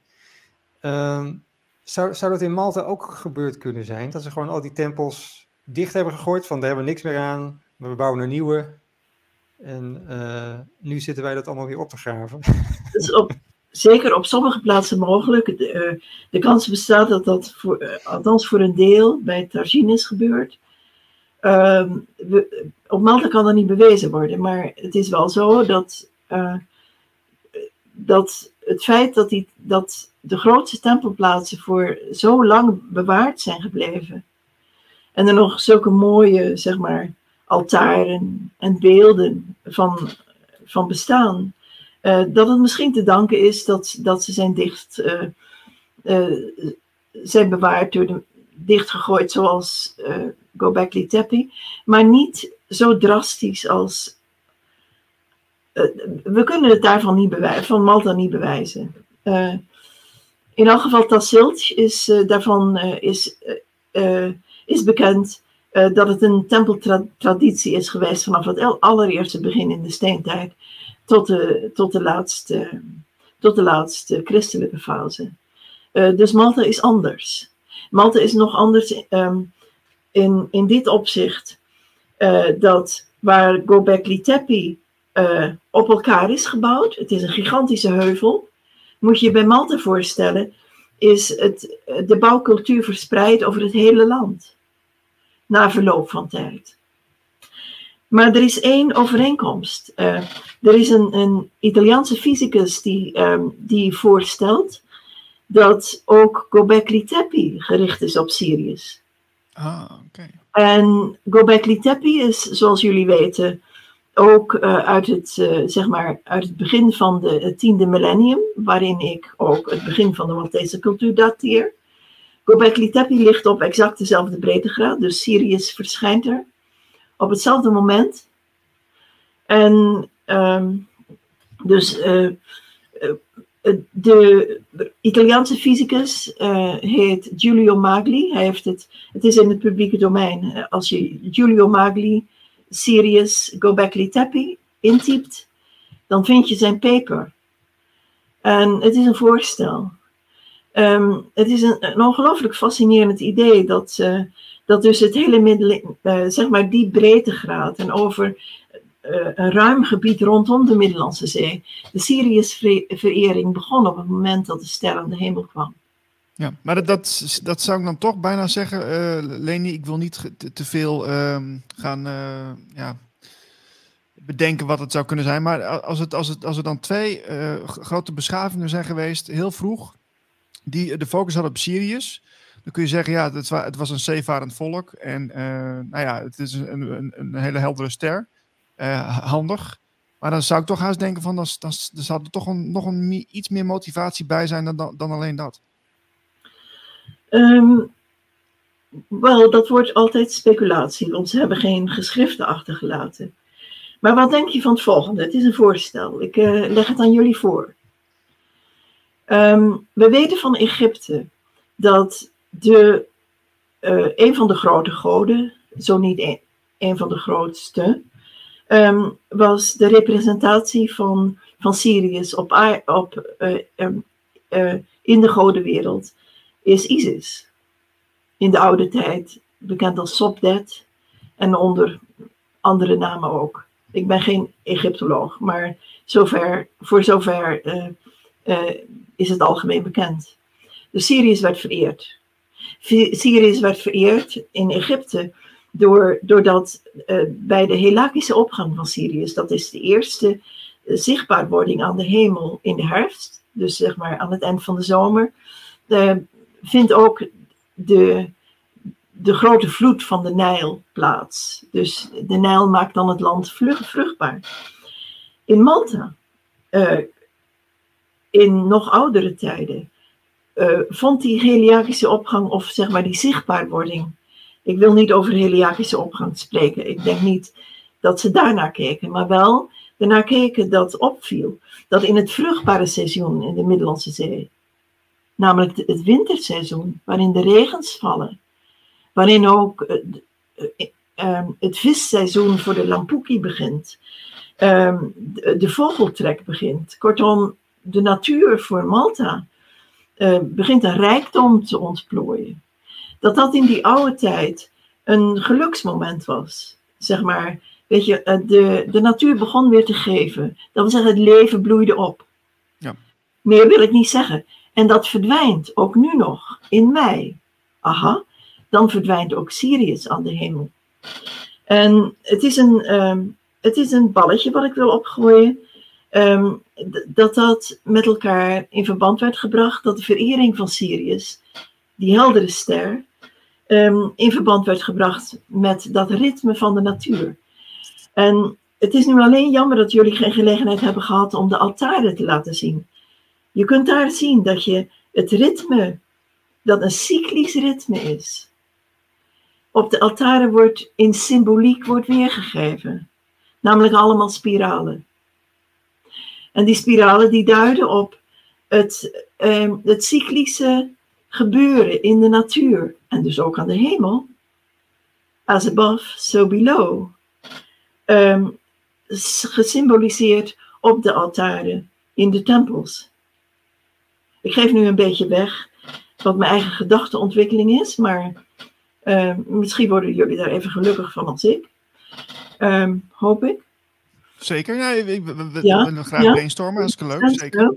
Ja, uh, in elk geval, uh, de symboliek gaat zelfs verder. De, de beelden, de godinnenbeelden, zijn geen zichtbare vrouwenfiguren. Ze hebben geen, geen borsten en geen primaire seksenkenmerken. Wel duidelijk vrouwelijk um, in hun gewelfde, weet je wel, hun, ze heten fat ladies onder, onder, zeg maar, uh, ja, de kenners. Um, dus uh, dikke vrouwenfiguren, die, die verbind je met een wulpsheid, nou, een wilderigheid, laten we het respectvol zeggen. Um, maar de meeste hebben geen hoofden. er zijn wel losse hoofden gevonden en ze hebben ook een, een inlating in tussen de schouders waarin hoofden kunnen worden geplaatst. Dat wil zeggen, je kunt het hoofd eraf nemen en er weer opzetten. Duidt dat niet ook op een ritueel? Dat het hoofd erop staat als aan de hemel is en ik gooi maar een balletje op. Er is nog iets anders. Er is een tweelingbeeldje gevonden in de Shara-cirkel, waarin de ene een hoofd heeft, de andere niet. De ene met het hoofd heeft een klein, een klein kind op haar schoot en de tweede alleen een fiale. Een een, een offerande schaal. Die, dezelfde fialen die in de latere beelden van de grote godin van Sicilië, Persephone, op het hoofd wordt gezet in de bronstijdbeelden. Dus um, ook op Sicilië zijn de beelden altijd dubbelbeelden, namelijk de oudste Demeter en, en Persephone naast elkaar. Demeter, de godin van de bovenwereld, en, die, en Persephone van de onderwereld, niet waar? Ja, ja dat zou kunnen. Later verbonden met de landbouw. In de oude tijden, waar er geen landbouw was, met, met de weelderigheid van de natuur die doodgaat. In de zomer, in de Middellandse Zee. Wij Noord-Europeanen mogen niet ons begrip van, van seizoenen plakken op die van de Middellandse Zee. De Middellandse Zee kent er maar twee. Een vruchtbaar seizoen en een doodseizoen. En dat is omgekeerd. De zomer is dood en verzengend. En de winter is rijk en vruchtbaar. Ga er maar naartoe en je zult het zien. Ik denk dat dit het eind is van mijn, mijn praatje en ik hoop dat jullie uh, bevredigd. Oké, zeker. We, vonden, dit was zeer interessant uh, wat je vertelde, Leni. En uh, ja, natuurlijk heb je tijd tekort, want we kunnen nog wel, uh, volgens mij nog een uur vullen als we zouden willen. Um, ja, jeetje. Uh, want, want je bent natuurlijk nu bezig met een Nederlandse, uh, Nederlands boek, hè? nou, ik heb grote hoop dat, dat iemand me wil helpen dat te verwezenlijken. Ik heb namelijk, ik moet mijn tweede druk van de Engelse editie verzorgen. en ik wil ook kijken of Duitse uitgevers belangstelling hebben. Dus ik heb mijn handen vol. Dus ik zou het uit handen willen geven. En ik bid natuurlijk dat het kan gebeuren. Ja, maar bij deze als mensen kijken, uh, hoe kunnen ze jou bereiken als mensen daar jou in willen steunen of mee willen helpen? Uh, direct onder mijn e-mailadres. nou, ik heb een website. Daar vind je mijn e een e-mailadres op. Mijn website heet sirius-malta.com. En ik wil ook mijn eigen e-mailadres wel geven voor mensen die echt serieus mij willen bereiken. Is leni met ie.redijk, zoals je het zegt at gmail.com. Alright, we kunnen het even onder de video zetten, uh, dan uh, kunnen mensen daar zelf ook uh, naar, naartoe. Ja, prima. helemaal goed. Ehm, nou, laten we een keer een vervolg doen in de toekomst, als je weer wat verder bent, als we weer meer weten. Exact, ehm, dan kunnen we ook wat meer plaatjes laten tonen, ik, laten zien. sorry. Ik wil jullie trouwens vanuit mijn hart bedanken dat, je, uh, dat je het geduld hebt gehad voor dit, uh, voor dit verhaal. Door eigenlijk, ja, door, ja, door iemand die eigenlijk gegrepen een kleine bezetenheid vertoont. En dat je daar geduld voor hebt opgebracht. Dankjewel, mannen. Ja, tuurlijk. Nou, graag, gedaan. Ja, we, kijk, we merken dus ook aan jou dat je er zo door gegrepen bent dat, dat, dat het eigenlijk een soort ja, levenswerk, levensopdracht is geworden, uh, lijkt het wel. En uh, nou ja, dat, dat bewonder ik gewoon heel erg. Dankjewel. Ja, het lijkt wel een beetje, dat, dat hebben meer mensen, denk ik, een beetje zo'n gevoel van, ja, ik ben hier al 30, 40 jaar mee bezig. En nu, nu zijn mensen eindelijk zover dat ze daar een beetje eh, open over kunnen nadenken en eh, geïnteresseerd in raken en zo. Waar, waar, waar waren jullie 30 jaar geleden? ja. Ik denk dat dat wel meer mensen overkomt de laatste tijd. Klopt. Ja, oké. Okay. Leni, dankjewel. We houden contact erover. Dankjewel Niels. Dankjewel Marlijn. En uh, we wensen je heel veel succes de komende tijd. Dank je. Oké. Okay. Bye bye. Okay. Leuk belangrijke informatie uit uh, Malta. Leni Redijk uh, bij ons te gast geweest. En wie weet in de toekomst uh, nog een keer.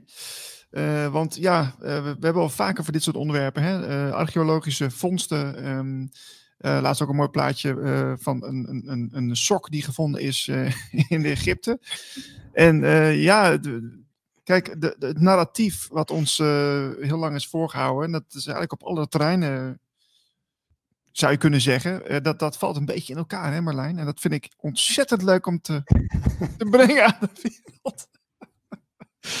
ja, dat vind ik dus. Ik vind het echt leuk. Ik vind het leuk. En ik vind, ja, ik, ik weet niet, ik ben natuurlijk ook al wat, wat jaren uh, bezig met dit soort onderwerpen. En um, ik ben er open mind.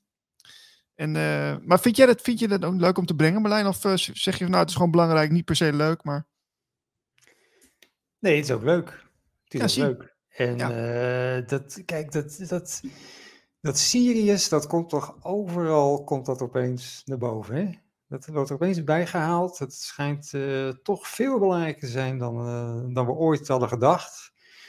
Dus daar gaan wij vast ook nog wel binnenkort weer meer aandacht aan besteden. Ja, dat, dat, ja. Er is ook een, een, film of een project Sirius. wie was het ook alweer? De Stephen Greer heeft het toch opgezet? Sirius nog wat? Dat ging dan vooral over buitenaardse misschien, maar dat maakt niet uit. Maar dat, dat was ook een eh, linkje naar die ster. Maar ik heb, weet uit uh, betrouwbare bron, Wietke Koolhoff zei het volgens mij tegen mij eh, in een podcast, dat Sirius dus is een, uh, een heel belangrijk, ja, heel, ja, hoe zou ik het zeggen, sterrenstelsel. want daar, daar, daar komen heel veel verschillende, ja, laten we zeggen, rassen vandaan wordt gezegd. Dus uh, misschien moeten we Wietke maar eens een keer uitnodigen. Dan kan ze dat ietsje beter uh, toelichten. Maar ik kan me dus wel voorstellen dat dat daarom zo belangrijk was, ook in die tijd. Want ja, wie weet wat er in die tijd toen op aarde rondliep, dat weet natuurlijk ook niet. Maar goed. Ja, en, en uh, nou ja, wat je zei, alles valt nu een beetje in elkaar. Maar ja dat, dat, ja, dat is aan de buitenkant zo. Maar dat is aan de binnenkant natuurlijk ook zo. We gaan natuurlijk ook allemaal dingen bij onszelf zien. Dus ik zag een eh, video van onze, een van onze oude gasten die we oh. hebben gehad. Mirjam Jansen, die had een uh, video over solar flares and the new you. en zij zegt, uh, lately I've noticed that I'm very susceptible to the changes in the magnetic field around the earth. It has an effect on how I feel, but it's also affecting the way I think about myself. since the magnetic field has an effect on the electric pulses in the brain, this new information is something I have to cope with. You have to consider a new you to be you. It makes us focus on getting familiar with new sensations, which have a strong effect on who you're going to be in the coming years. I'm talking about vulnerabilities and susceptibilities that are new. Learn to trust your gut feeling even more. It's about you becoming new, and it will be occurring in a way that has never happened before. Dus hij vertelde ja. daarover dat zij dat echt. Ze wist niet uh, helemaal ja, precies of dat nou met die, uh, met die zonnevlammen met die solar flares te maken had. Maar er, er, is wel iets aan de gang, zegt ze, in, in dat magnetisch, elektromagnetisch veld van de aarde. Wat ze fysiek voelt, waardoor er allerlei dingen worden geactiveerd. Je krijgt nieuwe, nieuwe impulsen, nieuwe gedachten, allemaal nieuw. Dat je denkt van, ja, maar hoezo, ben ik dit? Ben ik dit? Ja, dat is dus de nieuwe jou, die, die nu ja, online komt, zeg maar. Ja, nou, ik wilde wel iets aan toevoegen. Ik, ik heb het gisteren ook gedeeld met, met een paar vrienden van mij. En, want ja, ik merk dus gewoon sinds een tijdje, of eigenlijk de laatste, laatste maand, dat ik, dat, dat ik, ja, ik zag natuurlijk in het verleden wel eens wat dingen, weet je wel, dat je, dat je schimmen ziet of je ziet, of je, je voelt dingetje in de buurt of dingen die over je heen gaan of naast je komen zitten of iets dergelijks. Maar die, die, dus die andere realiteit, om het maar even 4D te noemen, dat wordt voor mij steeds zichtbaarder. Dat is, lijkt alsof het een soort, alsof het samenkomt in de 3D en dat ik dat ga zien. Dus ik merk dus ook, ik zat laatst ook in, in, de, in, de, in de kamer gewoon, dat is ook al een paar keer gebeurd. En dan, uh, dan, zie, ik, dan zie ik aan mijn ooghoek, aan mijn ooghoek zie ik dus gewoon iets verschijnen. En, dat gaat dan echt heel in een flits zo langs mij heen. En uh, met, met fysieke eh, echt met de, met de fysieke uiting. Want ik, ik hoor ook geluid erbij. Dus het is gewoon een soort gerommel, een soort van. Alsof er, alsof er een, een, een, een, een kat of zo eh, langs schiet, weet je wel. Maar je hoort dus ook die pootjes, je hoort ook wel dat geraas, je hoort ook dat. Dus dat wordt fysiek, snap je wat ik bedoel? Wat voorheen dus echt alleen maar uh, neutraal was en stil en voorbij flitst, wordt het nu dus, het komt de realiteit in, snap je wat ik bedoel? Dus dat, het, het wordt, het wordt tastbaar. En uh, dat heb ik dus een paar keer meegemaakt al. Dat is echt heel, heel bijzonder. Ik, ik word er niet bang van, ik word er niet uh, ongerust over. Maar ik, ik neem het wel waar. En ik denk ook dat het te maken heeft met, met de frequentie op de planeet. Dat die zo verandert, wat het verandert ook tegelijkertijd iets in ons. En ook in onze waarneming. Dus ik denk dat dat, uh, voor mijn gevoel, heeft het daarmee te maken. Aha. Ja, ik zie dit ook wel de laatste, laatste tijd. Dat, dat, dat, opeens iets wegschiet, inderdaad. Ik had vannacht en een paar dagen geleden, s'nachts, dan ga je dus, nou, je wil gaan slapen. En dan net, net op dat moment dat je in slaap valt, dan gebeurt er iets. Mm. Dus dan, of dan, krijg je ergens een beetje jeuk of kriebel, of er is een heel hard geluid, waarvan ik ook niet eens weet of dat geluid echt is, of dat echt gebeurt. Ja. En, als, als, en dat gebeurt iedere keer. Dus, dus, het lijkt wel alsof ik niet in slaap mag vallen. Zo lijkt het. Hmm. Ja, nee, maar dat, eh, met, met, die geluiden, dat herken ik ook wel hoor. Dat je opeens uh, uh, of een heel hard geluid hoort, alsof je, alsof je gewoon letterlijk een radiozender bent, die dan eventjes op een andere frequentie komt. En dan, nou, dan hoor je gewoon, ja, dat kan een knal zijn, dat kan ook een schreeuw zijn van iemand in je oor, als het ware. En het is niet de buurvrouw, jongens. Nee, het is niet de buurvrouw. Ik weet of, of een kat of zo. Dat, ja, misschien is het dan een kat, maar misschien op een andere manier. Maar uh, niet een fysieke kat. Maar toch hoor je het geluid. Hè? Dat is heel bijzonder. Ja. Ja. Nee, maar dat is, dat is wel leuk om te vermelden. Ik denk dat heel veel luisteraars zich er ook wel in kunnen herkennen hoor. Die, die met dit soort ervaringen zitten. En uh, deel ze vooral met ons. Stuur anders even een mailtje naar. Uh, mail info.radioglacier.nl. Want we, we willen ze graag behandelen om, uh, ja, om, om, om toch elkaar een beetje te, ja, om, ja, toch een beetje te steunen of zo. Of, of om ja, elkaar toch een beetje uh, te, te, te, laten zien van hé, hey, je bent er niet alleen in. Het is ook helemaal niet gek. Ik, ik, ben, ik ben ook al lang het station gepasseerd dat ik zeg van nou, ik vind het gek of ik durf het niet te zeggen. Ik, uh, daarvoor doen we het ook gewoon, denk ik, voor een deel. Van, ja, vertel maar gewoon wat, wat, wat ervaar je. En uh, laten we dat alsjeblieft aan elkaar ja, doorvertellen. Heel belangrijk. Ehm, Zeker. Um, ik heb ook nog een ander boekje, als ik zo vrij mag zijn. Of wil jij even iets doen? Uh, de volgende gast die uh, is gearriveerd. Dus, oh. Nou, dan gaan we daar naartoe. Dan gaan we straks. ja hoor. Dat kan. We hebben Abe van der Veen. Ja, hallo. Hallo. Hallo Abe. Hoi. Nou, gezellig om uh, bij jullie uh, programma aanwezig te zijn. Zeker. Zeker. Uh, ja, ik dacht bij Abe, want ik zag dit op jouw website. I dit is echt een tip voor iedereen. Ga even naar de website toe.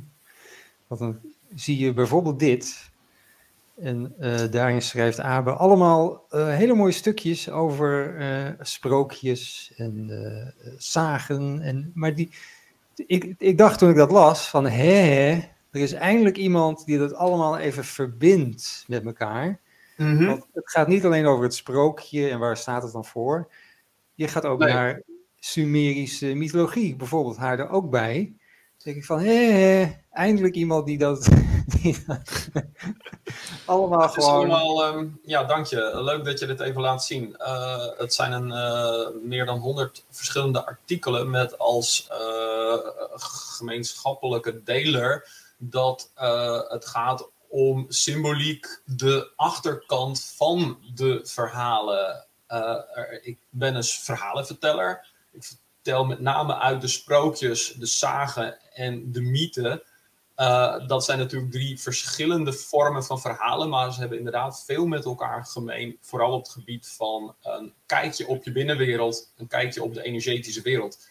En dat probeer ik ook door middel van die uh, artikelen duidelijk te maken. En dus dan kom je soms bij vreemde betekenissen in het sprookje Sneeuwwitje. Maar ook uh, kan je iets hebben uit Nederlandse zagen, wat interessant is over weerwolven of over, uh, nou ja, je ziet hier bijvoorbeeld iets over de opwipper. nou ja, dat is een soort van monster wat op je nek springt en je vastklampt als je s'nachts nog buiten ronddalt. Nou, wat houdt dat dan weer in? We kunnen ook naar de Bijbel toe gaan en dat hebben we over de Ark van Noach. Elke keer een ingang om naar binnen te kijken. Oh, wel interessant, Abe. En wat, uh, wat is nou een typisch uh, uh, sprookje of een sage die wij totaal verkeerd begrijpen? Oef. Um, dat durf ik niet te zeggen, omdat ik weet niet op welke manier iemand anders het verkeerd begrijpt. Hè. Dat, is, dat, dat ben ik. Ehm, dat kan ik moeilijk zeggen. Um, misschien, misschien wel allemaal, Abe. Misschien, wel, misschien begrijpen ze allemaal gewoon verkeerd. Ik kan in ieder geval wel, uh, sommige dingen zijn wel vrij um, uh, verrassend. ik heb ook het sprookje van Assepoester geanalyseerd. Ik denk dat weinig mensen doorhebben hoeveel shamanistische elementen dat sprookje heeft. En dat in sommige versies er in Assepoester een Ehm, een kalf uit zijn botten, uit zijn beenderen weer wordt herrezen. Wat typisch shamanistisch is. Maar ook hoe zij daar onder de hazelstruik zit. Hè. In de oudste versie krijgt ze het niet van de petermoei, maar krijgt ze de uh, geschenken, haar wensen van uh, haar, waarschijnlijk haar overleden moeder, die uh, in de hazelstruik zit ook het beklimmen van de boom is een vorm van het reizen naar de andere wereld. De ene keer beklimt ze een boom, de volgende keer beklimt ze een duiventil. En zo reist ze van de ene naar de andere wereld. Het mooiste is nog wel het idee van het assen poesten, wat betekent dat je blaast in het haardvuur.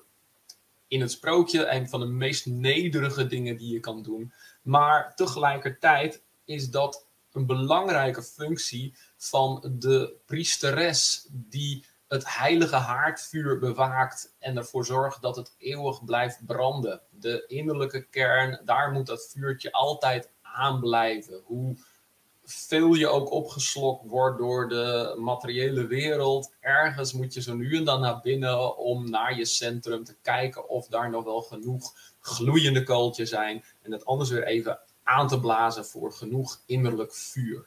En dan wordt Assepoester niet een nederige poetsvrouw, maar een poester, een, een, als het ware een van de priesteressen, van de godinnen. Of je haar nou Bridget of Vesta of Hestia noemt, godinnen van de haard. Nou ja, oh, zo kijk, ja, dat, dat, dat, schijnt wel een heel ander licht op de zaak natuurlijk. Ja, even voor de, om te laten zien dat je in een ogenschijnlijk um, ja, eenvoudig sprookje. En misschien zelfs wel een tikkie uh, um, seksistisch. Hè? Een eenvoudige meisje moet gered worden door de prins. Blijkt dan zoveel meer te zijn. En die uh, dame staat ook op eigen benen. Zij gaat naar de, die andere wereld toe. En, en zij vlucht ook omdat ja, deze wereld en die andere wereld, die kan je niet zomaar met elkaar huwen. Daar is een overgangsperiode voor nodig. Vandaar ook altijd in de sprookjes de drie maal. Er moet van iets te veel naar iets te weinig naar precies goed genoeg komen. En dan pas is de prins haar waard. Ja, ja, ja. Hey, en uh, Abe, waar, waar, is de fascinatie voor jou begonnen? Voor, de, voor, voor die sprookjes en zagen waar je mee bezig bent? Um, dat is altijd lastig te zeggen. Hè? Waar ligt de kiem? Ligt het bij uh, mijn moeder die mij sprookjes voorlas? Of ligt het ergens in mijn uh, jongere tijd, toen ik weg was van fantasy en ridderverhalen? Uh, het, het, is heel gaandeweg gegroeid. De, het inzicht dat die verhalen niet zomaar um, entertainment is, maar meer dat is ergens aan het eind van mijn studietijd uh, uh, begonnen. Toen uh, was ik bezig met een onderzoek naar middeleeuwse, laat-middeleeuwse tovenarij. Wat stellen tovenaars nou voor in die nog ja, licht magische mentaliteit van die mensen destijds? ik ben in het onderzoek gestrand, moet ik bekennen. Ik deed een studie geschiedenis aan de Universiteit van Groningen. Maar het heeft mij ontzettend veel zelfkennis gebracht. Want eindelijk snapte ik van, oh, als zo'n tovenaar een paard vindt, dan is dat paard niet zomaar een paard, maar een paard om mee te reizen van het ene naar het andere bewustzijnsniveau. Als die tovenaar een berg ingaat, dan gaat hij niet zomaar een berg in, maar gaat hij het innerlijk of zelfs de onderwereld, het onderbewuste in. En zo ging ik met die verhalen aan de slag. Niet meer wetenschappelijk, maar wel eigenlijk voor mij in ieder geval nog veel boeiender. Dus daar is het ergens begonnen, ergens eind jaren negentig. Oké. Uh, hoe of, uh, of hoe, hoe, hoe, zeg, hoe zeg ik dat? Um, kun, je, kun je nou door, door middel van het sprookje, je kan dan steeds dieper gaan kijken van oké, het gaat niet om een paard, het gaat om wat anders. Ja. Maar dat anders, dat, dat is eigenlijk ook weer een symbool. De onderwereld als geheel is eigenlijk ook weer een soort symbool. Kom, kom, ja. je, kom je ooit eens tot de kern waar het nou echt naar wijst, of kom je daar nooit? Dat is uh, zodra je verwijst, zodra je woorden gebruikt, zit je nog niet bij de kern. Uiteindelijk is de kern de beleving zelf. Het moment dat je zelf op dat uh, geestespaard stapt en die zielenreis maakt. Dus dat je als het ware je loskoppelt van je fysiek en je verstand. Dan merk je van, oh, dat is wat ze met reizen bedoelen. Uh, en oh, dat is de manier waarop een paard kan staan voor het astrale lichaam wat die reis kan maken van het ene naar het andere bewustzijnsniveau, al maar dieper, al maar verder. En dat het dus niet om een uh, reis in kilometers gaat in onze dimensies, maar een reis naar binnen toe. Een andere uh, een reis waar onze dimensies helemaal geen rol in spelen. Ja, dat, dat kan dus wel. Alleen ja, vervolgens um, kan je dat weer niet in tekst goed duidelijk maken. Het zou al helpen, bijvoorbeeld als je het in een lezing doet, door je bevlogenheid, door je eigen uitstraling, kan je al iets meer, hè, net als een uh, wijze persoon, als die iets zegt, dan komt het vaak al beter over, doordat die persoon iets van zichzelf ook meeneemt, als dat iemand het uit een boekje voorleest of gewoon het eigenlijk zelf nog niet helemaal snapt van theorie naar praktijk. Ja. Is, is het er ook zo, kijk, we, we kennen die sprookjes van uh, bijvoorbeeld de Disney-films. Ja. Uh, zit, daar, zit daar nou nog echte kennis achter? Of, uh, gaan, of verfilmen ze gewoon ja, dat bekende sprookje en denken ze daar verder niet over na? Of weten ze echt waar het, waar het in de kern over gaat? Poeh. Ik denk dat je daar wel vrij veel eer zou leggen bij de makers van de Disney-films. Uh, ik zou de eer eerder leggen bij de eerste vertellers van die sprookjes. Qua dat die mogelijkerwijs nog een idee hadden waar het vandaan kwam. Maar zelfs in de 19e eeuw was het al duidelijk dat sprookjes uh, uh, gezien werden als of voor het lagere volk en uiteindelijk voor de kinderen. Dus we moeten wel heel ver terug voordat mensen. Uh, ja, en natuurlijk komt het dan weer terug vanuit uh, mensen die bezig gaan met symboliek van sprookjes, zoals Steiner, Rudolf Steiner en Carl Gustav Jung en andere uh, figuren in de antroposofie en in de uh, Jungiaanse psychologie. Daar kom je het met name veel tegen, het idee van je kan daar meer uithalen. Maar. Um, ik merk ook van ja, zoveel zinnen, zoveel, zoveel mensen, zoveel betekenissen van sprookjes. Dus, dus je kan je er ook niet aan vastpinnen. Zij of hij heeft de juiste uh, interpretatie. En Disney doet niet aan interpretatie, die wil uh, entertainment bieden en daar ook goed aan verdienen. Een heel andere insteek, waardoor je dus uh, soms spannende stukjes weg zal halen om maar uh, voor een, een, een, zo groot mogelijk publiek te zorgen. Hè, je doet niet het deel erin waarin de twee stiefzusjes hun hiel of hun tenen eraf hakken om maar in het schoentje te passen. Dat vind ik een prachtig symbool, heel mooi zelfs. Het, het, het zegt voor mij dat zij geforceerd proberen in de andere wereld te komen. Dat zij geforceerd hun transreis doen door middel van bijvoorbeeld allerhande drugs, maar daar ook flink tol voor moeten betalen in de zin van levensenergie. Het bloed ja. vloeit in de schoen. Bloed is levensenergie.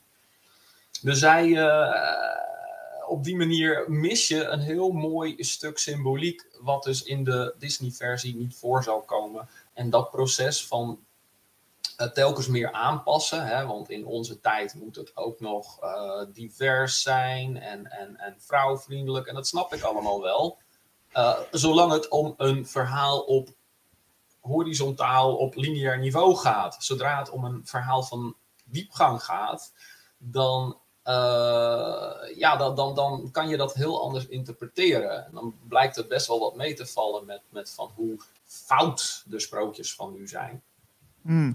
Ah, maar ik ben wel benieuwd. Je, je hebt natuurlijk best wel veel um, uh, kennis daarover. Uh, je, je vertelt ze dus ook aan, de mensen. Maar is er nou een, een, een sage of een mythe die, um, ja, die, ja, die eigenlijk nu niet meer kan? De, hè, dat is een beetje, hè, we kennen de woke-cultuur, dat is dan een beetje gevoelig en ja. zo. Maar laten we zeggen, we gaan even ja, lekker daar ben terug. ik wel mee in aanraking gekomen, inderdaad. Uh, ik vertel als uh, professioneel verhalenverteller op ontzettend veel gelegenheden, festivals, feesten, evenementen, uh, verhalen. En dat zijn eigenlijk altijd verhalen uit de traditie. Dus oude verhalen uit een tijd waarin mensen anders in het leven stonden als nu. Hè, denk maar aan een uh, ridderverhaal waarin de ridder de ene na de andere doodmaakt. Ja, is dat eigenlijk wel zo leuk? Zelfs nu zitten we, uh, ook nu denken van wacht, waar is al dat geweld voor nodig? Um, het, het, het, um, ja, ik probeer soms ook wat humor in verhalen te brengen. En dan moet je tegenwoordig wel extra oppassen om niet te veel uh, karikaturen erin te leggen. Ik had wel eens een Chinees verhaal en ik maakte een grapje over uh, de Chinese voorkeur voor kleine voetjes in die tijd. En er was echt iemand beledigd. Niet eens een Chinees, iemand met de Chinese afkomst, maar gewoon iemand van ja, dat kan je nu echt niet meer zeggen over Chinezen, want dat is, uh, nou ja, beledigend. Ja, in zijn context, in die tijd was het waar. Maar goed, ik let er wel op, want het is niet de bedoeling dat uh, een deel van mijn publiek zich van mij afwendt. Dus ik zal er, of ik nou wil of niet, wel rekening mee moeten houden. Een andere categorie waar ik uh, sowieso al een beetje op een um, glad ijs begaf, be, be, be, was um, het, thema van erotische verhalen. Um, ik, ik had ontzettend veel lol in een aantal Russische erotische sprookjes. Die ook in hun tijd, toen ze in de jaren 20 vorige eeuw zijn opgeschreven, al verboden werden. Want ja, dat geeft een slechte naam aan de Russische volksaard. Dat moeten we niet hebben. Maar hoe grappig ik ze ook vond, soms ging het dus om dat een, uh, een leuke, aantrekkelijke meid uh, op een door middel van een list uh, tot, tot seks werd ge, ge, gebracht. Niet gedwongen, maar wel erin geluisterd als het ware. Ik vond het grappig, maar toen keek ik er wat meer naar en denk nou, maar als je het letterlijk neemt, is het helemaal niet zo leuk. Dus je, soms heb je wel zo'n voortschrijdend inzicht van: oké, oké, voor mezelf prima, maar laat ik het. Al, al zou de 90% van de zaal het prachtig vinden, als er dan een aantal een er, nare ervaring hebben met uh, mensen die, die uh, te ver zijn gegaan, dan is het eigenlijk al niet meer leuk om te vertellen. Dus ja, je hebt tegenwoordig wel wat meer gevoeligheden. Okay. Het is niet zo dat ik mijn beroep niet meer kan doen hoor, of dat ik enorme uh, concessies moet doen. Maar er zijn dus wel wat onderwerpen waar ik heel voorzichtig mee ben. Ja, dat, dat begrijp ik. Ja, we hebben de, vorige week hadden we ook een verteller, dat is uh, Wim Wolbrink. Misschien dat je hem wel kent. Ja, ja. Een beetje. Is, is, beetje, oké. Okay. Nou, ik, ik, misschien als je, als je het leuk vindt, het, het, het hoeft niet, maar zou je een stukje willen doen over, van een uh, verhaal waar je zelf uh, heel veel plezier aan beleeft? Uh, je overvalt me daar een beetje mee. Oké, okay. nou ja, dan het hoeft niet, hè? het is een vraag. Misschien komt het nog. ik, ben nog um, ik, ik, ben nog niet helemaal in um, vertelmodus. Oké, okay. helemaal goed, geen probleem. nou, dan gaan we even hier naartoe. Ja, is goed. De kracht van symbolen. Ja. Uh, ja, dan is het de onvermijdelijke eerste vraag. Ja, waarom gebruiken we symbolen überhaupt? Tegenwoordig uh, zijn er ook boeken over hoe symbolen in de advertising, in de commercie worden gebruikt. En dan uh, gaat het er ook om dat als het ware, vind ik ook een beetje het gemene eraan, dat, dat heftige symbolen die op ons onderbewuste gewerkt, gebracht worden om uh, gebruikt worden omdat uh, we er al een positieve associatie mee hebben die heel diep, diep verankerd ligt, maar dan om iets te verkopen. Dat is eigenlijk niet de juiste reden. Voor mij is een symbool, um, er zijn honderden, duizenden symbolen, maar een aantal die raakt mij persoonlijk en heeft mij ook op een pad gebracht of mij anders naar de wereld doen kijken.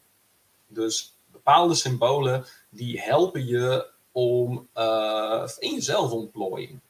Nou heb ik uh, nu op dit moment de groene man om mijn hals hangen. Uh, dat is een symbool dat ook voorkomt in het boek over de kracht van symbolen. En voor mij staat voor de verbinding van de mens met de natuur. Of het dat letterlijk ook ooit zo bedoeld is, zullen we nooit te weten komen. Maar uh, voor mij werkt die dan om die verbinding te voelen. Ik zie het symbool en ik kling, ik maak de klik. Dat geldt ook voor een symbool als het labyrint, waarbij ik aan de levensweg denk, maar dan ook hoe die onzichtbaar als een draadje in onze wereld, in onze fysieke wereld ook voorkomt, waarbij je telkens kan bedenken van ga ik linksom, ga ik rechtsom, welke keuzes maak ik, waar is het pad met de meeste energie, de meest dikke rode draad. En als je dat pad maar volgt, dan gaat dat de vorm krijgen van een labyrint. Telkens meer naar binnen toe. Maar toch ook altijd weer met wendingen naar buiten. Want zo draait het leven. Introvert, extravert. Van binnen naar buiten. En vice versa. Yin en yang. Dus ook dat symbool is uiteindelijk een soort van verinnerlijkt symbool geworden. Nou heb ik in mijn boek een aantal van dat soort symbolen die me persoonlijk raken en waarvan ik denk van dat kan een heleboel mensen raken die voor mij de meest uh, heftige symbolen uit de westerse esoterie zijn bij elkaar gebracht. Nou, uh, ik heb deze twee al genoemd, maar ook dingen als bijvoorbeeld de regenboog en de maan. Dan zou je zeggen, maar die zijn toch letterlijk, die zie je daar buiten. Maar iets wat je buiten kan zien, als een boom of een maan is tegelijkertijd ook een symbool voor iets anders. Voor een proces, voor iets wat je niet kan zien.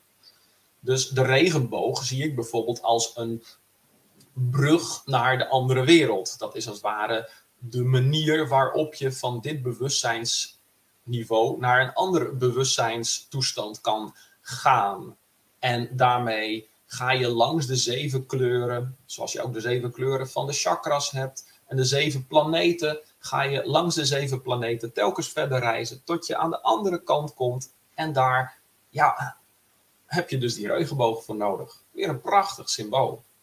Nou, zo heb ik er dus een heleboel, uh, of een heleboel, een aantal verzameld en ook geprobeerd daar samenhang in aan te brengen. Dat was nog een heidens karwei, maar ik heb het met heel veel plezier gedaan. En ja, dat boek is mijn laatste van de vijf boeken die ik tot nu toe heb geschreven. En zeker niet de allerlaatste. Dus ze worden ook telkens een beetje dikker. Deze is al ongeveer 200 bladzijden.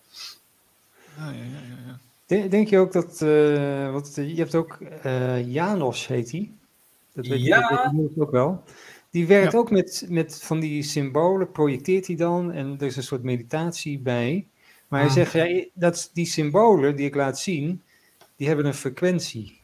Dus Aha. Die, die, kunnen een helende frequentie ook uh, hebben op mensen. Ja, nou, dat zou best kunnen. Ik heb er zelf niet op die manier een ervaring mee. Ik, ja, wat ik. Ehm, niet alleen maar mensen, bomen, plekken, dat kan allemaal kracht hebben.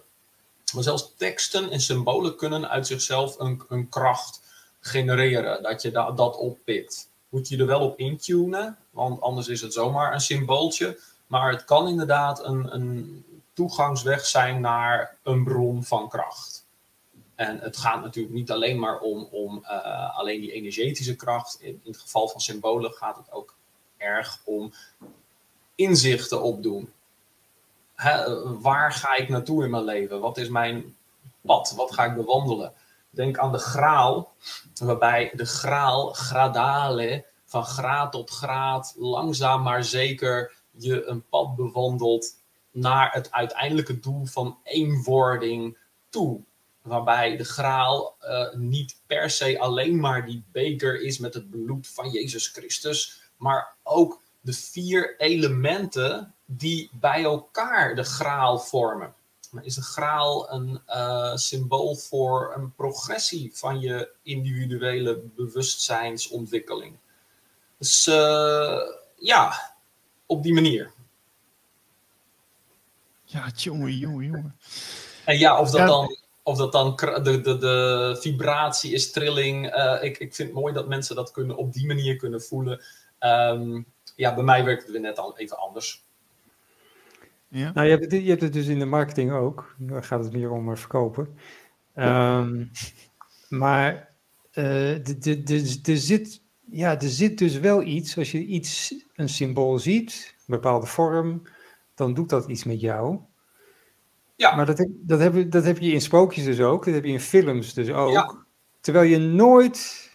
Is dat, gaat het, is dat één groot onbewust proces dan? Je kijkt een film en er komt van alles binnen en je bent je daar helemaal niet bewust van.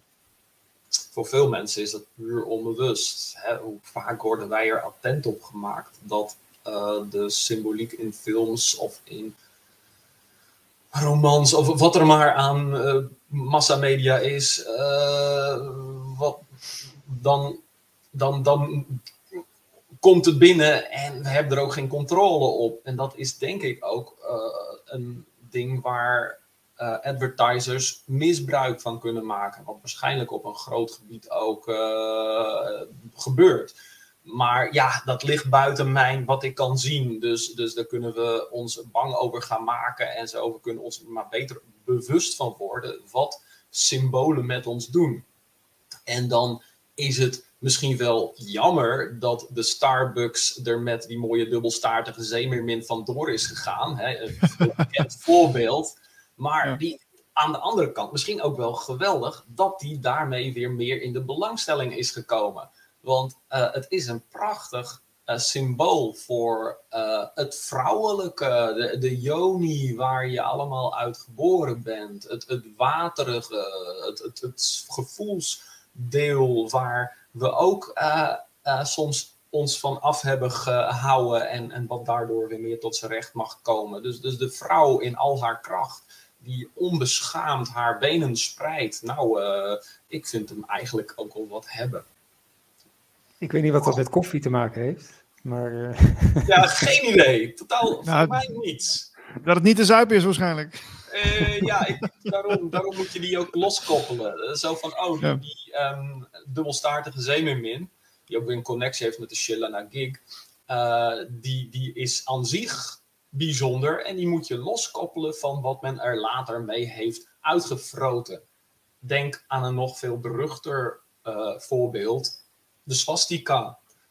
Aan zich een prachtig symbool, wat al honderden, misschien wel duizenden jaren, vooral in India, als levenswiel, als kracht uh, werd uh, vereerd zelfs, en dan volledig misbruikt. Ja, moeten we daar dan de rest van ons leven zo'n symbool dan maar als slecht bekijken? Nee, dat is het plaatje wat wij erop drukken. Wij hebben die, wij geven er, wij kunnen ook de uh, lading die erop ligt ook weer ontladen. En dat is misschien nog te vroeg om dat te zeggen van, oh, dat kan voor iedereen. Hè, dat kan je nu weer lekker vrij en blij uh, lekker met swastika's gaan rondslingeren en uh, dat gebruiken op je vlag of op je logo. Want nee, voor de meeste mensen is het nog zwaar besmet. Maar je kan het wel voor jezelf doen. Zoals het trouwens ook met runen is gebeurd jarenlang helemaal verguisd. Maar eigenlijk tegenwoordig kan je prima weer met rune werken. Is de lading er al aardig van af. Ja. Ik denk uh, dat het misschien uh, een heel mooi onderwijsstof uh, is voor, voor, voor ja, verscholing op de basisschool. Misschien wel, misschien wel iets later dan. Maar dat, dat er toch meer bewustzijn komt op dit onderwerp. Ja, het vergt misschien wel een beetje een abstract denkniveau van hey, um, een symbool is niet per se slecht. Een verhaal is niet per se slecht. Hè? Zoals het soms nu uh, à la woke wordt gedaan. Ook door een roosje wordt door de prins gekust. Zij heeft er niet om gevraagd. Hup, cancel het sprookje. Het is niet meer goed. Maar uh, om daar dus context in aan te brengen. Er van een afstandje van na te kijken. Om er daarna weer in te kunnen duiken. En het in zijn volle schoonheid te kunnen beleven. Uh, dus ja, we, moeten wel uh, misschien ook wel in scholen uh, leren om um, de symbolen aan zich te waarderen, losgekoppeld van de context waarin ze nu worden gebruikt.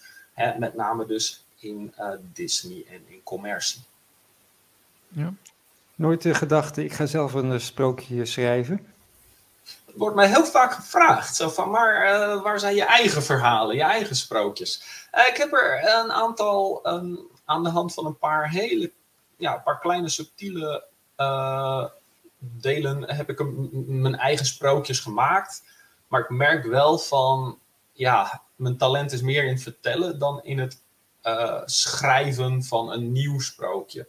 Met name ook omdat ze zo super symbolisch gelaagd zijn, zo dat, dat, ik heb het idee dat komt meer uit de volksbewustzijn, uit een, iets, iets wat ik als individu eigenlijk niet bij kan komen.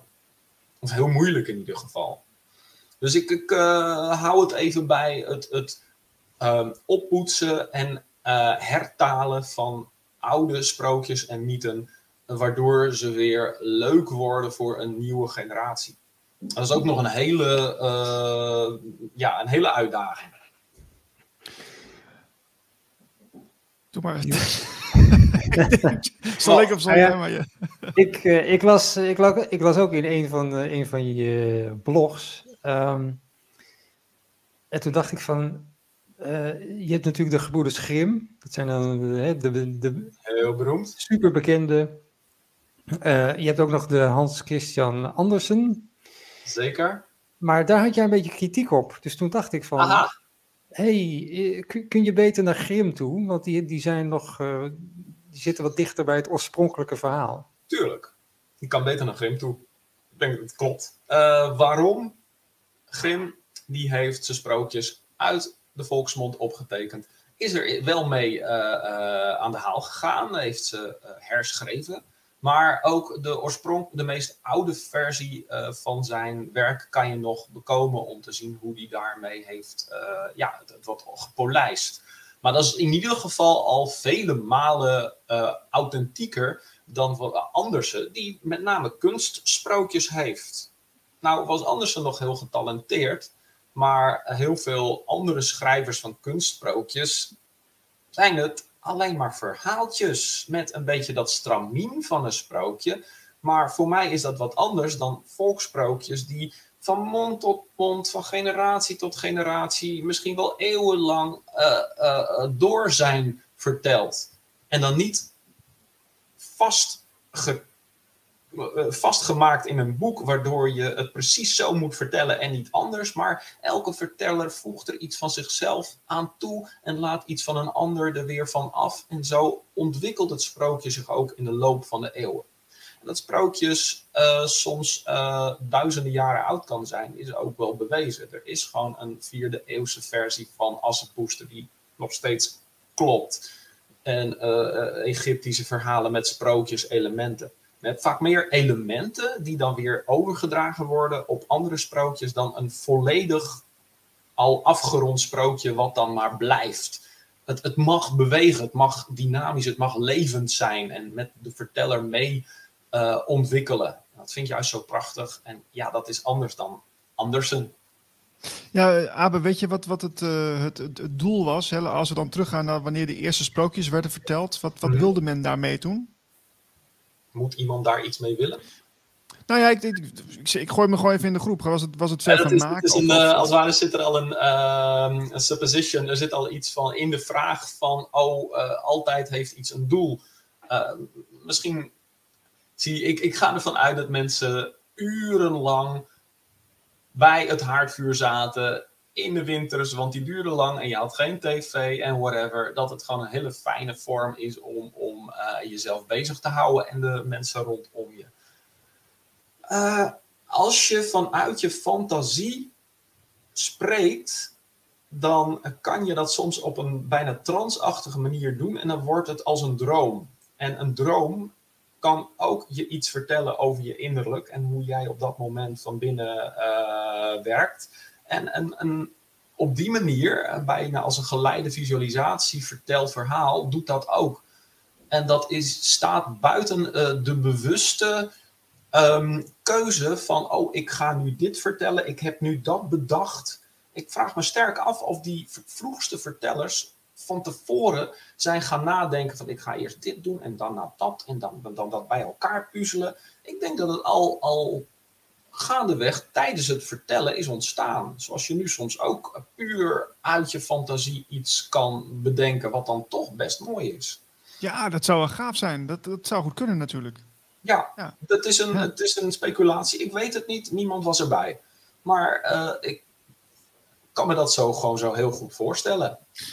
Dus ja, ja nee, het doel, ja, maar niet per se de, het doel wat de schrijver zelf ermee bedoeld heeft.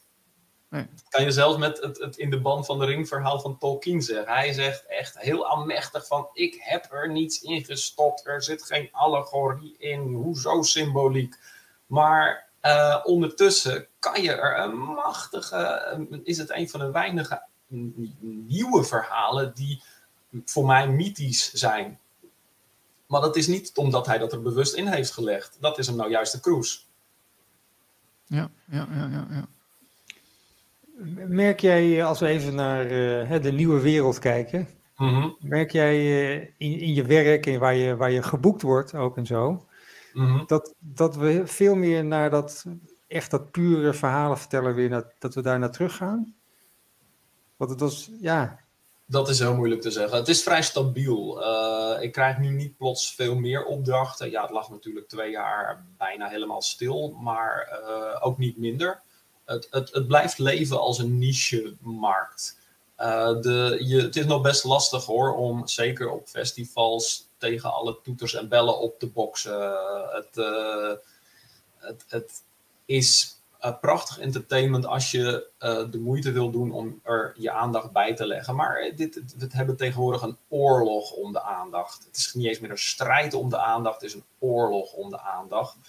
Uh, dus, dus om als verteller nog een publiek een half uur helemaal geboeid te houden, moet je vaak wel alle zeilen bijzetten. Want ze zijn hun mobieltjes gewend, waarbij je elk zeven seconden een ander filmpje ziet. En ze zijn een andere media gewend, waarin het allemaal state of the art uh, CGI is. Ja, ik vraag hun om hun eigen fantasie te gebruiken.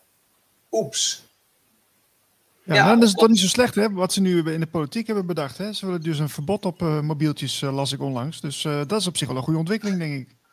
Een verbod op mobieltjes, dat moet ik nog zien. Op wat voor plekken? Ja, de sauna, dat lukt dan nog. De rest zie ik niet gebeuren. Oké. Ja. Nou, weet je, weet je wel, was dat? Nou, ik weet niet, het was, was ergens in de mainstream media zelfs uh, dat iemand het opperde. Dus, uh, nou ja. Oh ja, luchtballonnetjes, proefballonnetjes, dat uh, geloof ik. Maar niet, nee, nee, nee, nee. dat dat, dat gaat hem niet worden. we moeten gewoon zelf meester van onze aandacht worden. Juist door te merken dat die van ons afgepakt is. Ja, we hebben het van ons laten afpakken, laten we wel zijn. Kan je ook beslissen om hem aan de kant te leggen. Net zoals al die andere verslavingen.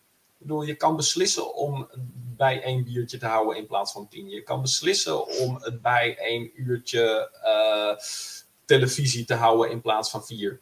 Het, het, het is gewoon weer eigen, de eigen wil ontdekken in plaats van je mee laten slepen. En, en dan doe je wel lekker mee, hè? Dan, dan ben je, hoor je erbij. Ja. Maar ik hou van de eigen gerijde eind, Einzelgangers en eigenheimers. Ja.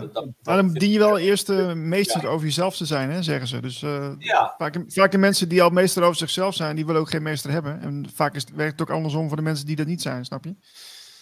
Meestal heb je hem dan niet meer nodig. Oh, inspiratiebronnen? Prachtig. Graag zelfs. Maar uh, iets als hapklare brokken slikken, uh, dat kan je niet eens meer. Nee. Nee, nee die tijd is voorbij. Uh, iets, iets, iemand op een voetstuk zetten, dat is levensgevaarlijk. Ik bedoel, daar maak je iemand anders ook veel te machtig mee. En dat is voor die ander ook weer een verleiding om daar misbruik van te maken. Dus uh, nee, blijf maar lekker nuchter en uh, gooi er zo nu en dan een grapje tussendoor. Zo is het. Waar, waar ben jij te zien, uh, Abe, binnenkort? Oh, het is echt de... de, de, de, de Hoor je ook vaak. Januari tot en met maart is altijd een hele rustige tijd in het vertellen. De kerst, dan heb je nog veel opdrachten. En daarna dan zakt het even in tot het in de mei-tijd weer helemaal opkomt. Elf jaar zuilen zal ik weer staan, dat is in april.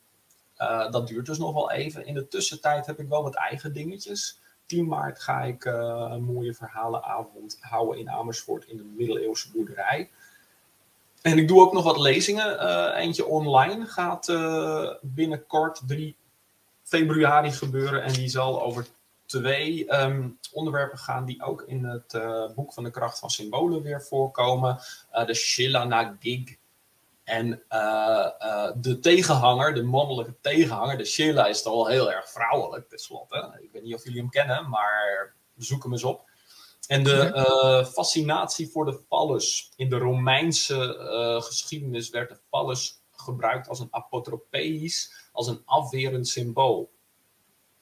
Heel interessant en erg leuk om daar de verschillende plaatjes van te laten zien het mannelijke tegenover het vrouwelijke. En dat in een lezing dus uh, online. Als je dit soort dingen trouwens wilt uh, bekijken van mij, um, noem ik even mijn website abedeverteller.nl. Daar kan je in mijn agenda uh, al die dingen terugvinden. Leuk, leuk. Ja, wij geven misschien ook nog een lezingenserie in de zomer. Dus misschien, ja, als je een keer leuk lijkt, dan kun je bij ons aansluiten. Oké. Okay. Nou, uh, daar wil ik wel meer van horen. Leuk. Nou, we houden even contact over. Uh, we kunnen geen ja. beloftes doen, maar dan uh, zetten we je op de lijst.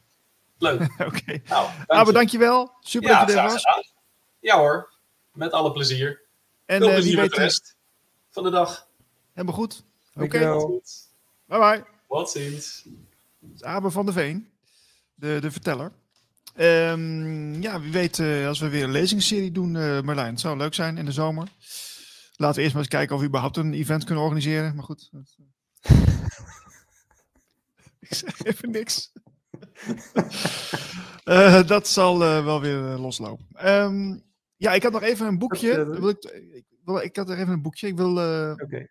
even dit onder de aandacht brengen. Is de, het eerste boek van Barbara Lenobles, mijn collega van de andere krant. Grote mensen doen alsof. En dat is natuurlijk ook gewoon zo. Um, dat is ook zo. Ja, dat is ook zo. Het gaat ook over uh, human design. Het gaat ook, is voor mij een stukje eerst over haar persoonlijke leven. Heel mooi boek, uh, mooie vormgeving zit erin trouwens. Uh, nou ja, goed, je moet het zelf maar bestellen. Nou ja, oh, krijg ik toch nog even de kans om het te laten zien. ja, en human design en een stukje persoonlijk um, verhaal. En misschien is het ook wel leuk om iets met human design een keer in de uitzending te doen. Ik heb er zelf een keer een interview over gedaan. Zijn een aantal stromingen die dan samenkomen. Astrologie, Kabbalah en nog een aantal. En die dan iets over jou vertellen als jij dan je geboortedatum en tijd opgeeft.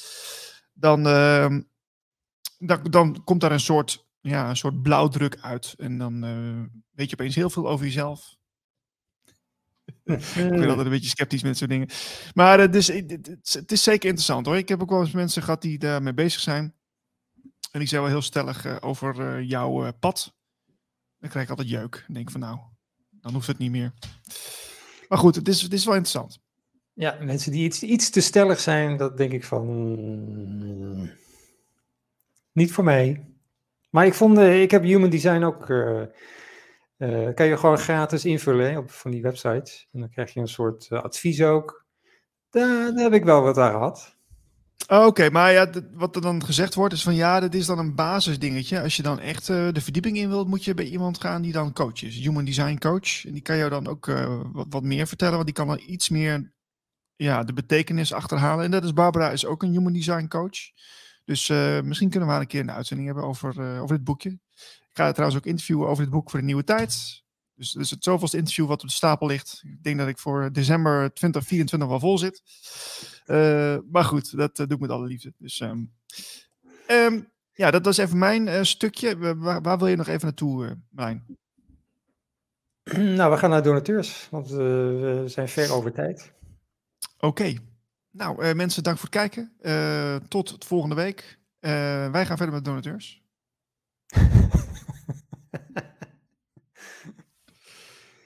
ja. Ja, nou, donateurs. Hoeveel donateurs heb jij al eigenlijk? Ik had een donateur erbij. Dus uh, oh. dat gaat hard.